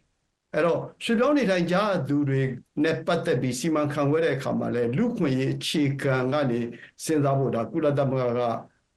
သူတို့ရဲ့ internet စာမျက်နှာမှာလည်းရေးတင်ထားတာတွေ့ရပါတယ်ဆိုထိုင်းဆိုရ လက်ရှိဆိုရရောအရင်ဆိုရတွေကရောပေါ့နော်ကိုထုချစ်ကအတွေ့အကြုံနဲ့တော်တော်များများရှိခဲ့ပြီဆိုတဲ့အခါကျတော့အဲ့ဒီထိုင်းဆိုရတွေကရောအဲ့ဒီသဘောကိုအတိမတ်ပြုပါသလားခင်ဗျကျွန်တော်တို့အမြဲတမ်းပြောတယ်အတိမတ်ပြုပါသလားဆိုတော့အတိမတ်ပြုအောင်စူးစမ်းလို့ရှိရင်တို့ကတော့အတိမတ်ပြုတယ်လို့ကျွန်တော်တို့အကြမ်းအဖြစ်ပြောလို့ရတယ်ဥပမာအဖြစ်ကျွန်တော်တို့ကဒီရှစ်ပြောလို့တမကြီးကိစ္စပြောရဲဆိုလို့ရှိရင်ကျွန်တော်တို့ရဲ့ဟိုမိခင်နိုင်ငံပေါ့ဗျာ အဲ့အဲ့လိုမျိုးဒီရှစ်ပြောလို့တမကိုပို့ရဲ့နိုင်ငံရဲ့လက်ခံတဲ့နိုင်ငံပေါ့ဥပမာထိုင်းထိုင်းနိုင်ငံကနဲ့အဲ့ဒီနိုင်ငံအဓိကတာဝန်ရှိတယ်ကျွန်တော်ဆိုလိုချင်တာကမိမိခင်နိုင်ငံကကိုယ်တိုင်ကကျွန်တော်တို့အစောပြောထိုင်းဆိုရကတတ်မှတ်ထားတဲ့ကျွန်တော်တို့ဒီဟိုဥပဒေနဲ့အညီအဲ့ဒီအလုတ်ရှင်တွေကနေပြီးတော့အဲ့ဒီလုတ်အားကတွေအလုတ်သမားအခွင့်အရေးကိစ္စတွေကိုနောက်အချိန်ပိုလုတ်အားကတွေအဲ့အဲ့ဒါတွေကိုတကယ်ရောဟိုပေးရလားဆိုတာသူတို့တိတိကျကျလေးနဲ့လေ့လာပြီးတော့သူတို့ ဟိုဟိုသာဒီအစိုးရကြီးဆွေးဆွေးနွေးရမယ်ဒါကျွန်တော်တို့ပြောတဲ့အစိုးရကြီးအစိုးရပေါ့ဗျာ G2G ပေါ့အဲ့ဒါကပူပူပြီးတော့အရေးကြီးတယ်ဒါကြောင့်မို့ကျွန်တော်တို့ပြောတာအခုဆိုကျွန်တော်တို့ကဟိုကမ္ဘောဒီးယားရှစ်ပြောင်းအလုတ်သမားတွေနဲ့ဟိုကျွန်တော်တို့မြန်မာရှစ်ပေါင်းလူသမားတွေနဲ့တော့မတူဘူးဥပမာပြကမ္ဘောဒီးယားရှစ်ပေါင်းလူသမားတွေကိုတောင်းတောင်းလုပ်ငန်းရှင်တွေကတောင်းတောင်းတော့သိမထိရတော့ဘူးအစိုးရတွေကသူတို့ရဲ့အလုပ်သမားတွေတခုခုဖြစ်တာနဲ့သွားတယ်အဲ့ဒီအလုပ်ယုံဆက်ယုံတွေကိုသွားတယ်လိုအပ်တဲ့ဆွေးနွေးညှိနှိုင်းမှုတွေလုပ်တယ် လိုအပ်တဲ့အကူအညီမှုတွေကိုကိုယ့်နိုင်ငံသားရှစ်ပေါင်းလူသမားတွေကိုပေးတယ်ပေါ့အဲ့ဒါကလည်းပို့ပြီးအရေးကြီးတယ်လို့ကျွန်တော်ပြောချင်တယ်ကြာဒါကြောင့်မလို့ထိုင်းဆိုအနေနဲ့ကတော့သူတို့ကလည်းနိုင်ငံတကာရဲ့ PR နိုင်ငံတကာကိုသူတို့ကဈေးရောင်းနေတဲ့လူနောက်ပြီးတော့နိုင်ငံတကာကဧည့်သည်တွေကိုလက်ခံပြီးတော့ဟိုလက်ခံပြီးတော့စီးပွားရှာနေတဲ့နိုင်ငံဖြစ်တယ်အဲ့ဒါကျွန်တော်တို့သူတို့အနေနဲ့တော့ဘာပဲပြောကျွန်တော်တို့အလုပ်သမားရေးကိစ္စကိုလေးစားသည်ဖြစ်ဖြစ်မလေးစားသည်ဖြစ်ဖြစ်ဒါသူတို့အနေနဲ့ကတော့လေးစားလိုက်တာမှာပဲ ကျွန်တော်တို့ကအပူဥပဒေတွေကိုပြဋ္ဌာန်းဖို့တောင်းဆိုတာမဟုတ်ဘူးသူတို့ပြဋ္ဌာန်းထားတဲ့ဥပဒေဥပမာပြအခြေခံဟိုလောက်အားကပေါ့နော်ဟိုတရက်ကို320ရတဲ့ပြည်နယ်340ရတဲ့ပြည်နယ်တွေအဲ့ဒါမှတကယ်ရရဲ့လားအချင်းဘူဟိုနောက်နောက်ပြီးတော့အချင်းဘူလောက်အားကတကယ်ရရဲ့လားရော်ကြီးအလုပ်သမားခွင့်ရသူတို့တေချာရေးထားပြီးသားပဲအခုဆိုလို့ရှိရင်လည်းကျွန်တော်တို့ဒီ social security ပေါ့ဗျာဆိုတော့ပြောတဲ့ဟိုလူမှုဖူလုံရေးကိစ္စဆိုလဲဒါဘာပဲပြောပြောဒါဟို တစုံတရာတော့ဒါအကျိုးအကျိုးတရားမှုတွေရှိနိုင်တယ်ဒါပေမဲ့ကျွန်တော်အစောပြောတဲ့သက်ဆိုင်ရာမိခင်နိုင်ငံကအစိုးရတွေကကျွမ်းကျွမ်းကျင်ကျင်နဲ့ဟိုထိထိရောက်ရောက်ဖြစ်အောင်အစိုးရချင်းစကားပြောဖို့လိုတယ်ဤပညာလည်းလိုတယ်စိတ်ကောင်းစေတနာရှိဖို့လည်းလိုတယ်เนาะကျွန်တော်တို့နိုင်ငံတော်တော်များများဒါအမျိုးသမီးဖွင့်ရေးဆိုရင်နိုင်ငံတကာသဘောတူညီလက်မှတ်ရေးထိုးထားတယ်ကလေးနေရဆိုတဲ့သဘောရေးထိုးထားတယ်အဲ့တော့ထိုင်းနိုင်ငံမှာရော သက်ဆိုင်ရာထိုင်းအစိုးရတွေကကလေးတွေနဲ့အမျိုးသမီးတွေရဲ့အခွင့်အရေးကိုလေးလေးစားစားနဲ့တောက်ပြဆောင်ရွက်တာမျိုးတွေကိုကိုထုချစ်တွေ့ရတာလားရှိလားဆိုတော့တစုံတရာဥပမာအဖြစ်ထိုင်းနိုင်ငံမှာ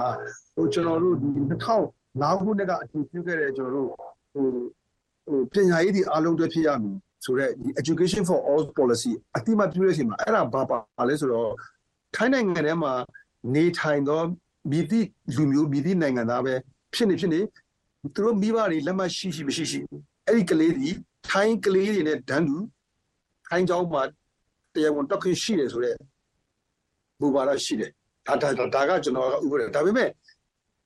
ပြည်နယ်တိုင်းမှာအသက်မဝင်ဘူးဖြစ်နေတယ်ဒါကျွန်တော်တို့အဲ့အရာကိုနေ့တိုင်းအခုဆိုလို့ရှိရင်ဒါအတည်ပြုထားတာကတော်တော်ဆယ်ဆယ်စုနှစ်တစုကျော်သွားပြီเนาะဒါပေမဲ့ကျွန်တော်တို့ဖန်ငါပေါ့ကျွန်တော်တို့ခုလုပ်နေတဲ့ဖန်ငါခရိုင်မှာကျတော့အဲ့ဒါက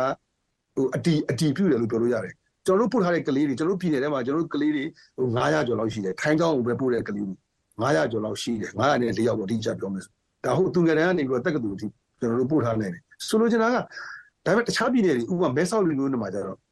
ရတဲ့ကျောင်းတွေရတယ်မရတဲ့ကျောင်းတွေမရဘူးအဲဒါမှကျွန်တော်တို့ဆိုလိုချင်တာအစိုးရအဲ့ဒါကိုအဲ့ဒီ policy လေးကိုကင်ပြီးတော့တိတိကျကျကျွန်တော်ရင်တော့လိုက်လုပ်ခဲ့ဘူးတယ်ပေါ့နော်ကျွန်တော်ပြည်နယ်မှာ advocacy လုပ်ဖူးတာပေါ့နော်ဒါချို့ခိုင်းကျောင်းတွေကစမသိတာလဲဟိုဖြစ်တယ် အဲဒါတခြားအကြောင်းမျိုးကြောင့်လည်းဖြစ်နိုင်တယ်အချို့ကျောင်းတွေကဥမာဖြစ်ကလေးတွေကိုဟိုမွေးစင်းတောင်းမှအကြောင်းလက်ခံတယ်လို့တော့အဲ့ဒါလည်းမဟုတ်ဘူးအမှန်ဆိုမွေးစင်းမရှိတဲ့ဘာဖြစ် stateless ကလေးတွေရတယ်သူဥပဒေက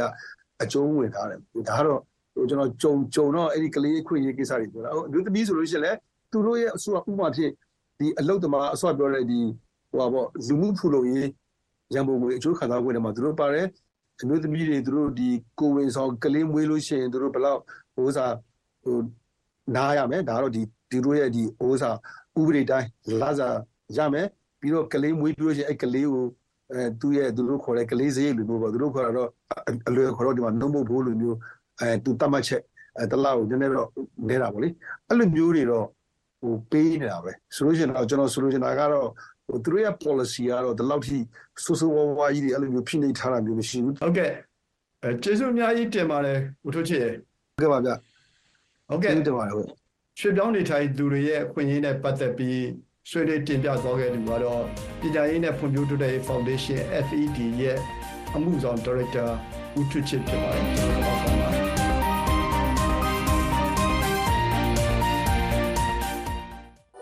သတင်းမှန်တွေရဖို့အရေးကြီးတဲ့ဒီကနေ့ခေတ်မှာကမ္ဘာကြီးရဲ့ဘယ်ရက်ဒေသမှာပဲရောက်နေပါစေခလုတ်တစ်ချက်နှိပ်လိုက်ရုံနဲ့သတင်းမှန်တွေရယူနိုင်ပါပြီ လက်ဖြားလေးနဲ့တစ်ချက်တောက်ရုံနဲ့ရယူနိုင်မဲ့သတင်းတွေနိုင်ငံရေးဖြစ်စဉ်တွေတကယ့်ဘဝဇက်လန်းတွေ one click ခလုတ်တစ်ချက်နှိပ်ရုံနဲ့ကမ္ဘာရက်ရက်ကအတန်တွေကိုချိတ်ဆက်နားဆင်နိုင်မှာဖြစ်ပါတယ်ဘယ်ချိန်ဘယ်နေရာကပဲဖြစ်ဖြစ် VOA Plus application ကို download ရယူပါ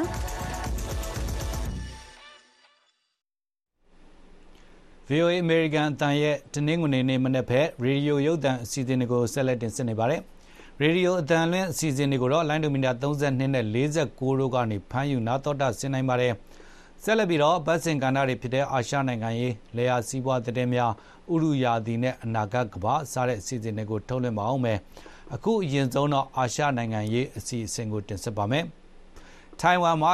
ရွေးကောက်ပွဲမှာလွတ်လပ်ရေးလိုလားတယ်လို့သတ်မှတ်ခံထားရတဲ့ DPP ပါတီကိုယ်စားလှယ်လိုက်ချင်းတဲ့အနိုင်ရခဲ့ပြီးနောက် ဘလို့အလားအလာတွေဆက်လက်ဖြစ်ပေါ်ပါသလဲတရုတ်ကတော့တိဘက်ဒေသမှာစီးရေးတိစောက်မှုတွေတိုးမြင့်မှုပြင်ဆင်နေပါတယ်မတင်မပဲပါကစ္စတန်နဲ့အီရန်အကြားမှာတော့အပြန်အလှန်ပစ်ခတ်မှုတွေဖြစ်ခဲ့ပါတယ်ဒီအကြောင်းအရာတွေကိုကျွန်တော်ဇော်မိုးကျော်ကပဲစူးစီးတင်ပြပေးပါမယ်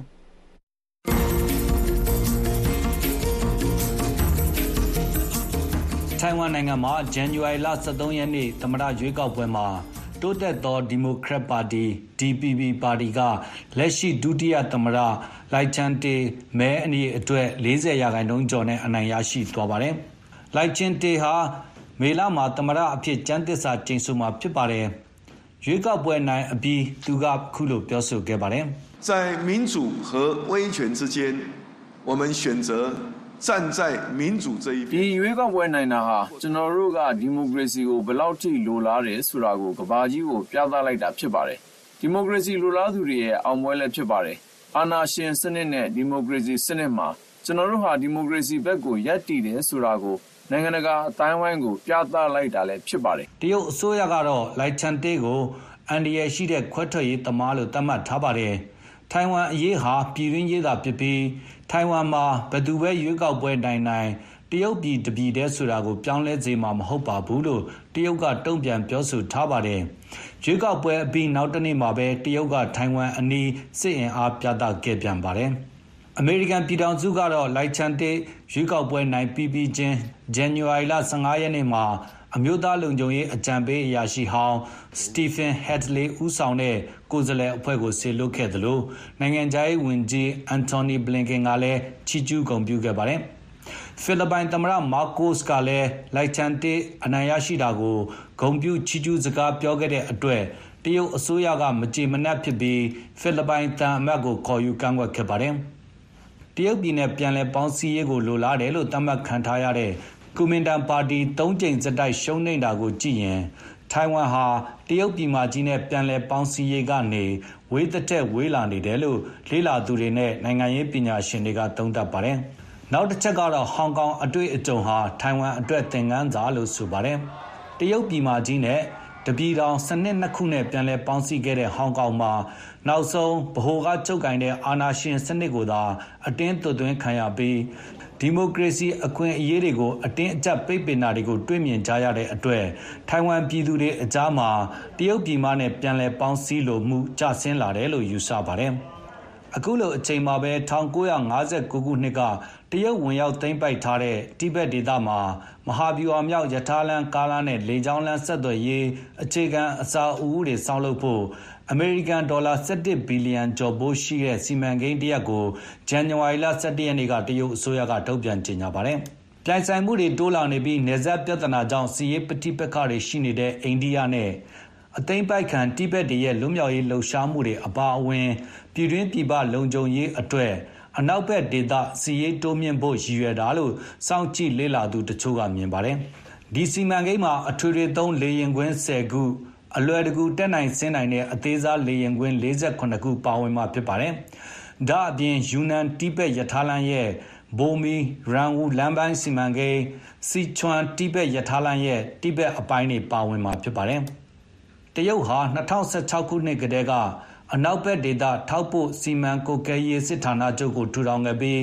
တိဘက်နဲ့ ရှင်ကျန်းဒေသကို မဟာဗျူဟာမြောက် ဆက်သွယ်ရေးလမ်းတွေ ဖောက်လုပ်နေတာဖြစ်ပါတယ်။ဒါအပြင် အနောက်တောင်ဘက် ယူနန်ကနေ တိဘက်ကိုဆက်သွယ်တဲ့ယထာလန်ကားလန်လေကြောင်းလမ်းတွေအပြင် မြန်မာနိုင်ငံအပါအဝင် တောင်ဘက် လာအို ကမ္ဘောဒီးယား ထိုင်း ဗီယက်နမ်အထိ ဖောက်လုပ်ပါတယ်။တရုတ်ဟာ ကုန်းတွင်းတပတ်လည် အနောက်နဲ့ အနောက်တောင်ဘက် လုံခြုံရေးနဲ့ စီးပွားရေးအတွက် မဟာဗျူဟာမြောက် အရေးပါတဲ့ ဆက်သွယ်ရေးလမ်းတွေကို ဖောက်နေတာပါ ဒီနေရာမှာ ပြည်တွင်းစစ်ဖြစ်နေတဲ့ မြန်မာနိုင်ငံအပိုင်းမှာ ကျန်းနေပါတယ်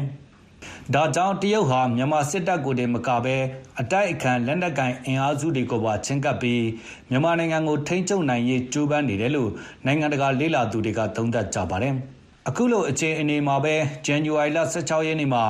အီရန်နိုင်ငံက ပါကစ္စတန်နယ်တဲ့ကို ဒုံးကျည်နဲ့ပစ်ခတ်တိုက်ခိုက်ခဲ့တယ်လို့ပါကစ္စတန်ဘက်ကလည်း ဇန်နဝါရီလ18ရက်နေ့မှာ အီရန်ဘက်ကို ဒုံးကျည်နဲ့ ပြန်လည်ပစ်ခတ်ခဲ့ပါတယ်။နှစ်ဖက်စလုံးကတော့ ခိုးအောင်နေတဲ့အကြမ်းဖက်အဖွဲ့တွေကို ပစ်ခတ်တာလို့ဆိုပါတယ်။ဆက်ပြီး တိုက်ခိုက်မှုတွေမဖြစ်ဖို့ ကုလသမဂ္ဂအပါအဝင် နိုင်ငံတကာအတိုင်းအဝိုင်းကမြစ်တာရက်ခံပါတယ်။ တရုတ်ကတော့လိုအပ်ရင်ဂျောင်းဝင်လှုပ်ဆောင်ပေးမယ်လို့ပြောပါတယ်တရုတ်နိုင်ငံသားရေးဝန်ကြီးဌာနပြောရေးဆိုခွင့်ရှိသူမော်နင်ကဇန်နဝါရီလ18ရက်နေ့တုန်းကအခုလိုပြောဆိုခဲ့ပါတယ်我还不了解你说的最新的情况但是呢我们也高度关注局势的发展 တရုတ်အနေနဲ့လွန်မဲစိုးရိမ်မိပါတယ်။ပါကစ္စတန်နဲ့အီရန်နိုင်ငံလုံးဟာတရုတ်နဲ့ယင်းနှီးတဲ့အိန္ဒိယတွေဖြစ်ပါတယ်။နှစ်ဖက်စလုံးအခြေအနေတွေကိုပိုဆိုးမသွားအောင်ထိန်းသိမ်းကြဖို့နဲ့ကုလသမဂ္ဂသဘောတူညီချက်တွေအပါအဝင်နိုင်ငံတကာဥပဒေတွေနဲ့အညီဖြည့်ရှင်းကြဖို့တိုက်တွန်းပါတယ်။အီရန်ဟာပါကစ္စတန်နယ်တဲကိုတင်ပစ်ခတ်ခဲ့တာမဟုတ်ဘဲအီရတ်နဲ့စီးရီးယားနယ်တဲတွေကိုလည်းပစ်ခတ်ခဲ့ပါတယ်။အခုလိုအီရန်ဘက်ကပစ်ခတ်တာဟာဆီးရီးယားမှာဒီဇင်ဘာလထဲတုန်းကအစ္စရေးလေကြောင်းတိုက်ခိုက်မှုကြောင့်အီရန်ဗိုလ်ချုပ် စယစ်ရာဇီတည်ဆုံခဲ့မှု ပါကစ္စတန်နယ်စပ်က ရဲစခန်းတိုက်ခိုက်ခံရမှုနဲ့ ဇန်နဝါရီလထဲမှာပဲ လူတရာလောက်သေဆုံးခဲ့ရတဲ့ ဗိုလ်ချုပ်ဆလမန်နီနှစ်ပတ်လည်ဘုံခွဲတိုက်ခိုက်ခံရမှုတွေနဲ့ ပတ်သက်နေနိုင်တယ်လို့ ခန့်မှန်းကြပါတယ်။ မြည်သို့ပင်ဆိုစေရုရှားယူကရိန်းစစ်အစ္စရေးဟာမတ်စစ်တွေကြောင့်တကမ္ဘာလုံးအကြံအတင်းနဲ့ရင်ဆိုင်နေရချိန်မှာနောက်ထပ်နိုင်ငံဖြတ်ကျော်စစ်ပွဲတွေတိုးလာမှာကိုစိုးရိမ်နေကြကြောင်းဒီတစ်ပတ်အာရှနိုင်ငံရေးအစီအစဉ်မှာတင်ပြလိုက်ရပါတယ်ဒါကတော့အာရှနိုင်ငံရေးအစီအစဉ်ကိုကြည့်ရှုနားတော်တာဆင်ခဲ့ရတာပါ VOA ကနေဆက်လက်ပြီးအစီအစဉ်တွေထုတ်လွှင့်နေပါတယ်အခုဆက်လက်ပြီးတော့လေယာစီးပွားသတင်းများအစီအစဉ်ကိုတင်ဆက်ပါမယ်။ မြန်မာနိုင်ငံပြည်တွင်းဆန်ဈေးကွက်မှာ အခုရက်ပိုင်းအတွင်း ဆန်ဈေးနှုန်းတွေ အဆမတန်မြင့်တက်လာတာဟာ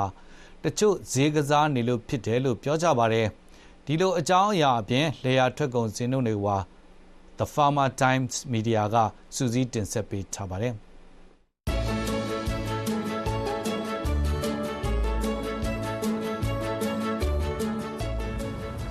မင်္ဂလာပါ။လေယာစီဝါတရီများစီစဉ်ကနေ ကြိုဆိုပါရစေ။ လေယာစိုက်ပျိုးရေးချစ်သူများရှင်လန်းချင်းမြင့်ကြပါစေရှင်ဒီတစ်ပတ်အတွက်လေယာစီဝတ်သတင်းတွေကိုကိုမြင့်မေဟန်နဲ့သူကျမမစ်စဘဲကတင်ဆက်ပေးတော့ပါမယ်ဒီအပိုင်းတွင်မြန်မာနိုင်ငံလေယာစိုက်ပျိုးရေးနဲ့စီးပွားရေးကဏ္ဍကထိတ်တန်းရောက်နေတဲ့သတင်းတွေထဲမှာတော့ကုန်သည်တွေဈေးကစားမှုကြောင့်ပြည်တွင်းစံဈေးစံချိန်တွေမြင့်တက်လာတဲ့ဆိုတဲ့သတင်းနဲ့စကြပါတယ်အခုရပိုင်းတွင်ပြည်တွင်းစံစည်းကွက်မှာစံစည်းနှုန်းတွေအဆမတန်မြင့်တက်လာပြီးဈေးနှုန်းမတည်ငြိမ်မှုတွေဖြစ်ပေါ်လာတာဟာစံကုန်သည်တွေရဲ့ဈေးကစားမှုကြောင့်ဖြစ်တယ်လို့စံကုန်သည်ကြီးတချို့ကထုတ်ဖော်ပြောဆိုလိုက်ပါတယ်။ပြည်တွင်းစံဈေးကွက်မှာစံတအိတ်ကိုပြင်းပြကျပ်2000ကျော်လောက်အထိကိုစံချိန်တွေမြင့်တက်နေတာပါ။စစ်ကောင်စီရဲ့စီးပွားကူးသန်းဝန်ကြီးဌာနကနိုင်ငံခြားငွေရရှိဖို့အတွက်စံစကွဲပြည်ပတင်ပို့မှုအပေါ်တွန်းအားပေးဆောင်ရွက်နေတာကြောင့်ပြည်ပစံတင်ပို့မဲ့ကုမ္ပဏီကြီးတွေက export တန်းဝင်စံချမ်းတွေကိုဈေးနှုန်းမြင့်တင်ပြီးကွင်းစင်းဝယ်ယူနေတဲ့အတွက်စံဈေးတွေကအစမတန်မြင့်တက်လာတာလို့ကုန်သည်ကြီးတွေကဆိုကြပါတယ်။စံဝယ်လိုက်လာမှုအပေါ်မှာတူလောင်ထားသူကုန်သည်ကြီးတွေကလည်းဈေးကိုဆွဲတင်ပြီးရောင်းချနေကြတာဖြစ်တယ်လို့မြန်မာနိုင်ငံစံသဘာအသင်းချုပ်အဖွဲ့ဝင်စံကုန်သည်ကြီးတဦးကလည်းအတည်ပြုပြောဆိုပါတယ်။လက်ရှိပြည်တွင်းစံဈေးကွက်မှာပြည်ပတင်ပို့မှုများတဲ့စံချမ်းအုပ်စုဝင်စံမျိုးစားတွေကတော့ 24ပြည်တအိတ်ကို8500ကနေ9500ကျပ်အထိပေါက်ဈေးရှိနေပါတယ်။ပြည်တွင်းအခြေခံလူဒန်းစားတွေနဲ့လူလက်တန်းစားတွေစားသုံးမှုများတဲ့ AR မင်းဆန်ကတော့တအိတ်ကို33000ကျပ် AR ဝရီတာဆန်က35000ကျပ်ကျော် AR ဝရီပေါ်ဆန်းအုပ်စုဝင်ဆန်မျိုးစားတွေကတော့တအိတ်ကို32500ကျပ်ရွှေဘိုပေါ်ဆန်းထိတ်ဆရှယ်တအိတ်ကို36500ကျပ်လောက်အထိအသီးသီးပေါက်ဈေးရှိနေပါတယ်။ မြန်မာနိုင်ငံစံသဘာအသင်းချုပ် MRF ကတော့စံစည်းနှုန်းတည်ငြိမ်အောင်ဆိုပြီးဈေးကွက်အတွင်းရောင်းချတဲ့နဲ့ရည်ညွှန်းစေးသတ်မှတ်ထုတ်ပြန်မှုတွေပြုလုပ်လာတာကိုတွေ့ရပါတယ်။ဒါပေမဲ့စံသဘာအသင်းချုပ်ကထုတ်ပြန်တဲ့စံစည်းနဲ့ဈေးကွက်အတွင်းကုန်သည်တွေရောင်းဝယ်ပြုလုပ်နေတဲ့ပေါက်ဈေးကတိတ်ကိုအနည်းဆုံး1000ကနေ9000ကျပ်လောက်အထိဈေးကွာဟနေတာဖြစ်ပါတယ်။ ပုဂ္ဂိုလ်ရောင်းဝင်နဲ့တက်မြောစာတင်သွင်းခွင့်ပေးတာပြီးမဲ့အခက်အခဲတွေရှိနေတယ်လို့ရောဘာလူငယ်ရှင်တွေကပြောဆိုလာပါတယ်လက်ရှိမှာစီးပွားကူတန်းမှုကြီးဌာနကရောဘာကိုကျင်းပတင်ပို့မှုကနေရရှိလာတဲ့ဝင်ငွေရ90ရာခိုင်နှုန်းကိုတက်မြေဩဇာတင်သွင်းခွင့်ပေးထားတာဖြစ်ပါတယ်ဒါပေမဲ့တက်မြေဩဇာတင်သွင်းခွင့်ပေးထားတဲ့အချိန်ကပြင်တွင်းမှာရောဘာထွက်ရှိတဲ့ရာဒီချိန်နဲ့မကိုက်ညီတာဖြစ်တယ်လို့ မြန်မာနိုင်ငံရောဘာစိုက်ပျိုးထုတ်လုပ်တင်ပို့ရောင်းချသူများအသင်းမှတာဝန်ရှိသူတို့ကပြောဆိုထားပါတယ်။လက်ရှိပြင်တွေရောဘာဈေးကွက်မှာအရင်ကရောဘာတစ်ပေါင်ကို1580ကျပ်လောက်ပေါက်စီရှိရကနေလက်ရှိမှာတော့တစ်ပေါင်ကို1600ကနေ1650ဝန်းကျင်ထိမြင့်တက်လာတဲ့အတွက်တွက်ချေခိုက်ပြီးမဲ့အကျိုးမြတ်ကအများကြီးမကျန်ဘူးလို့အဆိုပါတာဝန်ရှိသူကဆက်လက်ပြောဆိုထားပါတယ်။ နိုင်ငံတကာရောဘာဈေးကွက်မှာတော့တဒန်ကိုအမေရိကန်ဒေါ်လာ1900ကျော်ထိပေါက်သေးရှိနေပြီး2023-2024ဘဏ္ဍာနှစ်မှာကျင်းပကိုရောဘာတန်ချိန်၄သိန်းခန့်တင်ပို့နိုင်ဖို့ရည်မှန်းထားတယ်လို့ဆိုပါတယ်။ပြပချင်းတင်ပို့မှုအပေါ်အခွန်3ဆတိုးကောက်လို့ကုန်သည်တွေအခက်တွေ့နေပါတယ်။ပြည်တွင်းထွက်ဂျင်းတက်အစိုးကိုရေချောင်းကနေတင်ပို့မှုအပေါ်အခွန်နှုန်းထား3ဆလောက်ထိမြင့်တင်လိုက်တာကြောင့်အခက်အခဲဖြစ်နေတယ်လို့ကုန်သည်တွေကပြောပါတယ်။ အရင်ကရန်ကုန်စိတ်ကမ်းကနေဘင်္ဂလားဒေ့ရှ်ကိုတမောနဲ့ဂျင်းတက်တင်ပို့ရမှာအခွန်အနေနဲ့တပိတ်တာကို900ကျပ်လောက်သာပေးဆောင်ခဲ့ရတာပါလက်ရှိမှာတော့စစ်ကောင်စီကအခွန်ကို30နီးပါးလောက်ထိတိုးမြင့်ကောက်ခံလိုက်တာကြောင့်ဂျင်းတက်ပြည်ပတင်ပို့မှုရှိပေမဲ့လည်းပြည်တွင်းဂျင်းဈေးကွက်ကအကြဘက်ကိုဥတီနေတယ်လို့ပို့ကုန်လုပ်ငန်းရှင်တဦးကပြောပါတယ်။အခုလမ်းကြောကတွေ့သွားနေပြီးတော့ဒီအခွန်ကတက်သွားတယ်။ အခွန်ကတက်သွားတယ်။အရင်တော့ဟိုဟိုဟိုတပိတ်တာကိုတပိတ်တာ900အခွန်ပေးရတယ်ပေါ့ဗျာ။နိုင်ငံတော်ခွန်တင်းရတယ်ပေါ့။အဲ့ဒါက NLD လက်ထက်ကဆွဲထားတဲ့ဒီပြီးပွားကူတာဥပဒေပေါ့ဗျာ။အဲအခုကျတော့ဟိုကနေပြီးတော့မင်းအောင်လိုက်တော့ကနေပြီးတော့ပြန်ပြီးတော့အခွန်ပြန်ပြင်ဆင်လိုက်တာတဲ့၃ပါးလောက်ပြန်တက်သွားတယ်။900ကနေတပိတ်တာ900ကနေကျော်ပြီးတပိတ်တာကို2000ကျော်သွားတာပေါ့။ 2000ကျော်တဲ့ခါကျတော့ပုံမှန်ပွဲသားလောကတော့လုံရအောင်ဆိုတော့မရှိဘူးလုံလာတာပေါ့ဘယ်လိုလဲနစ်နာသွားလဲဆိုတောင်သူနစ်နာသွားတယ်အရင်ကဂျင်းတက်ကိုရခိုင်ပြည်နယ်စစ်တွေနဲ့မောင်းတော်နယ်စပ်ကုံသွေးစခန်းတွေကနေဘင်္ဂလားဒေ့ရှ်ကိုတင်ပို့လို့ရပါမယ် ရခိုင်တပ်တော် AA နဲ့စစ်ကောင်စီတပ်တို့ကြားတိုက်ပွဲတွေပြန်ဖြစ်ပွားခဲ့တဲ့နိုဝင်ဘာလကစလို့စစ်ကောင်စီဘက်ကရခိုင်ပြည်နယ်ကိုကုန်းချောင်းရောရေချောင်းကပါဝင်ရောက်ခွင့်ပိတ်ပင်လိုက်တာကြောင့်ရန်ကုန်စိတ်ကမ်းကနေပြောင်းလဲတင်ပို့နေရတာဖြစ်ပါတယ်။မင်္ဂလာဘက်ကလည်းဟိုမင်္ဂလာအကြောင်းကိုဒီကိစ္စ9000ပေးတဲ့ကြောင်းကြီးရတယ်။ဒီမှာဝင်ပေါ့နော်။တော့တော့လည်းအခွန်ကပေးရတာဖြစ်တဲ့အတွက်အခွန်ကတဝက်လောက်ပေးရတယ်။ဝန်နှစ်ဆောင်ဝန်းကျင်လောက်ပေးရတဲ့ကိစ္စမှာကျွန်တော်တို့ဒီဘက်မှာကျတော့ကျွန်တော်တို့ကကာလာပေါက်ကြီး တော့3000နဲ့ဝင်လို့မရတော့ဘူး။ဟုတ်လား။2000 2500အရင်3000နဲ့ဝင်ရတော့ဂျင်းစင်းနှုန်းကြာဆင်းနေပေမဲ့ပြည်တွင်းမှာရောင်းချတာထက်ပြည်ပကိုကုန်ကျိန်အများပြားတင်ပို့မှုကနေငွေတလုံးတစ်ခဲရရှိတာကြောင့်တင်ပို့နေတာလို့ဆိုကြပါတယ်။လက်တလောဂျင်းအများပြားထွက်ရှိတဲ့ရှမ်းပြည်နယ်ကတောင်ကြီးအောင်ပန်းစတဲ့ကုန်စည်တိုင်းတွေမှာတော့ဂျင်းတပိတ်တာကို2000ကနေ3500ကျပ်လောက်ထိပေါက်ဈေးရှိနေတာကိုတွေ့ရပါတယ်။ VOA အစီအစဉ်တွေကိုရေဒီယိုရုံမြင်တန်းကြားတို့အပြင် YouTube စာမျက်နှာကနေလည်းနားဆင်ကြည့်ရှုနိုင်ပါတယ်။ VOA မြန်မာပိုင်း YouTube စာမျက်နှာလိပ်စာကတော့ youtube.com/voaburmese ဖြစ်ပါတယ်။ VOA American အတန်ရဲ့တနင်္ဂနွေနေ့မနက်ဘက်အတန်လင်းအစီအစဉ်တွေကိုဆက်လက်ထုတ်လွှင့်နေပါတယ်။ရေဒီယိုအတန်လင်းအစီအစဉ်တွေကိုတော့လိုင်းဒိုမီတာ32နဲ့49တို့ကနေထုတ်လွှင့်နေတာဖြစ်ပါတယ်။အခုဆက်လက်ပြီးတော့ ဥရုယာတီနဲ့အနာဂတ်ကဘာအစီအစဉ်ကိုတင်ဆက်ပါအောင်မယ်။စံချိန်တင်ခဲ့သမျှအပူဆုံးဖြစ်တဲ့2023ခုနှစ်ထက်ဒီ2024ခုနှစ်မှာပိုပြီးပူလာနိုင်ခြေရှိတယ်လို့ရာသီဥတုအရေးစောင့်ကြည့်လေ့လာနေတဲ့ပညာရှင်တွေကပြောဆိုပါတယ်။2023ခုနှစ်အတွင်းကမ္ဘာမြေမျက်နှာပြင်အပူချိန်နဲ့သမုဒ္ဒရာရေပြင်ရဲ့အပူချိန်ဟာ20ရာစုခေတ်ကအပူချိန်တဲ့1.18 Celsius ကျော်ရောက်ရှိခဲ့တယ်လို့ ဒါလိုအခြေအနေတွေကြောင့်တဘာဝဘေးအန္တရာယ်တွေအလွန်ပြင်းထန်စွာတွေ့ကြုံခဲ့ရတယ်လို့ဆိုပါတယ်။ရာသီဥတုနဲ့အနာဂတ်အစီအစဉ်မှာနန်းလောင်ကတင်ပြထားပါတယ်။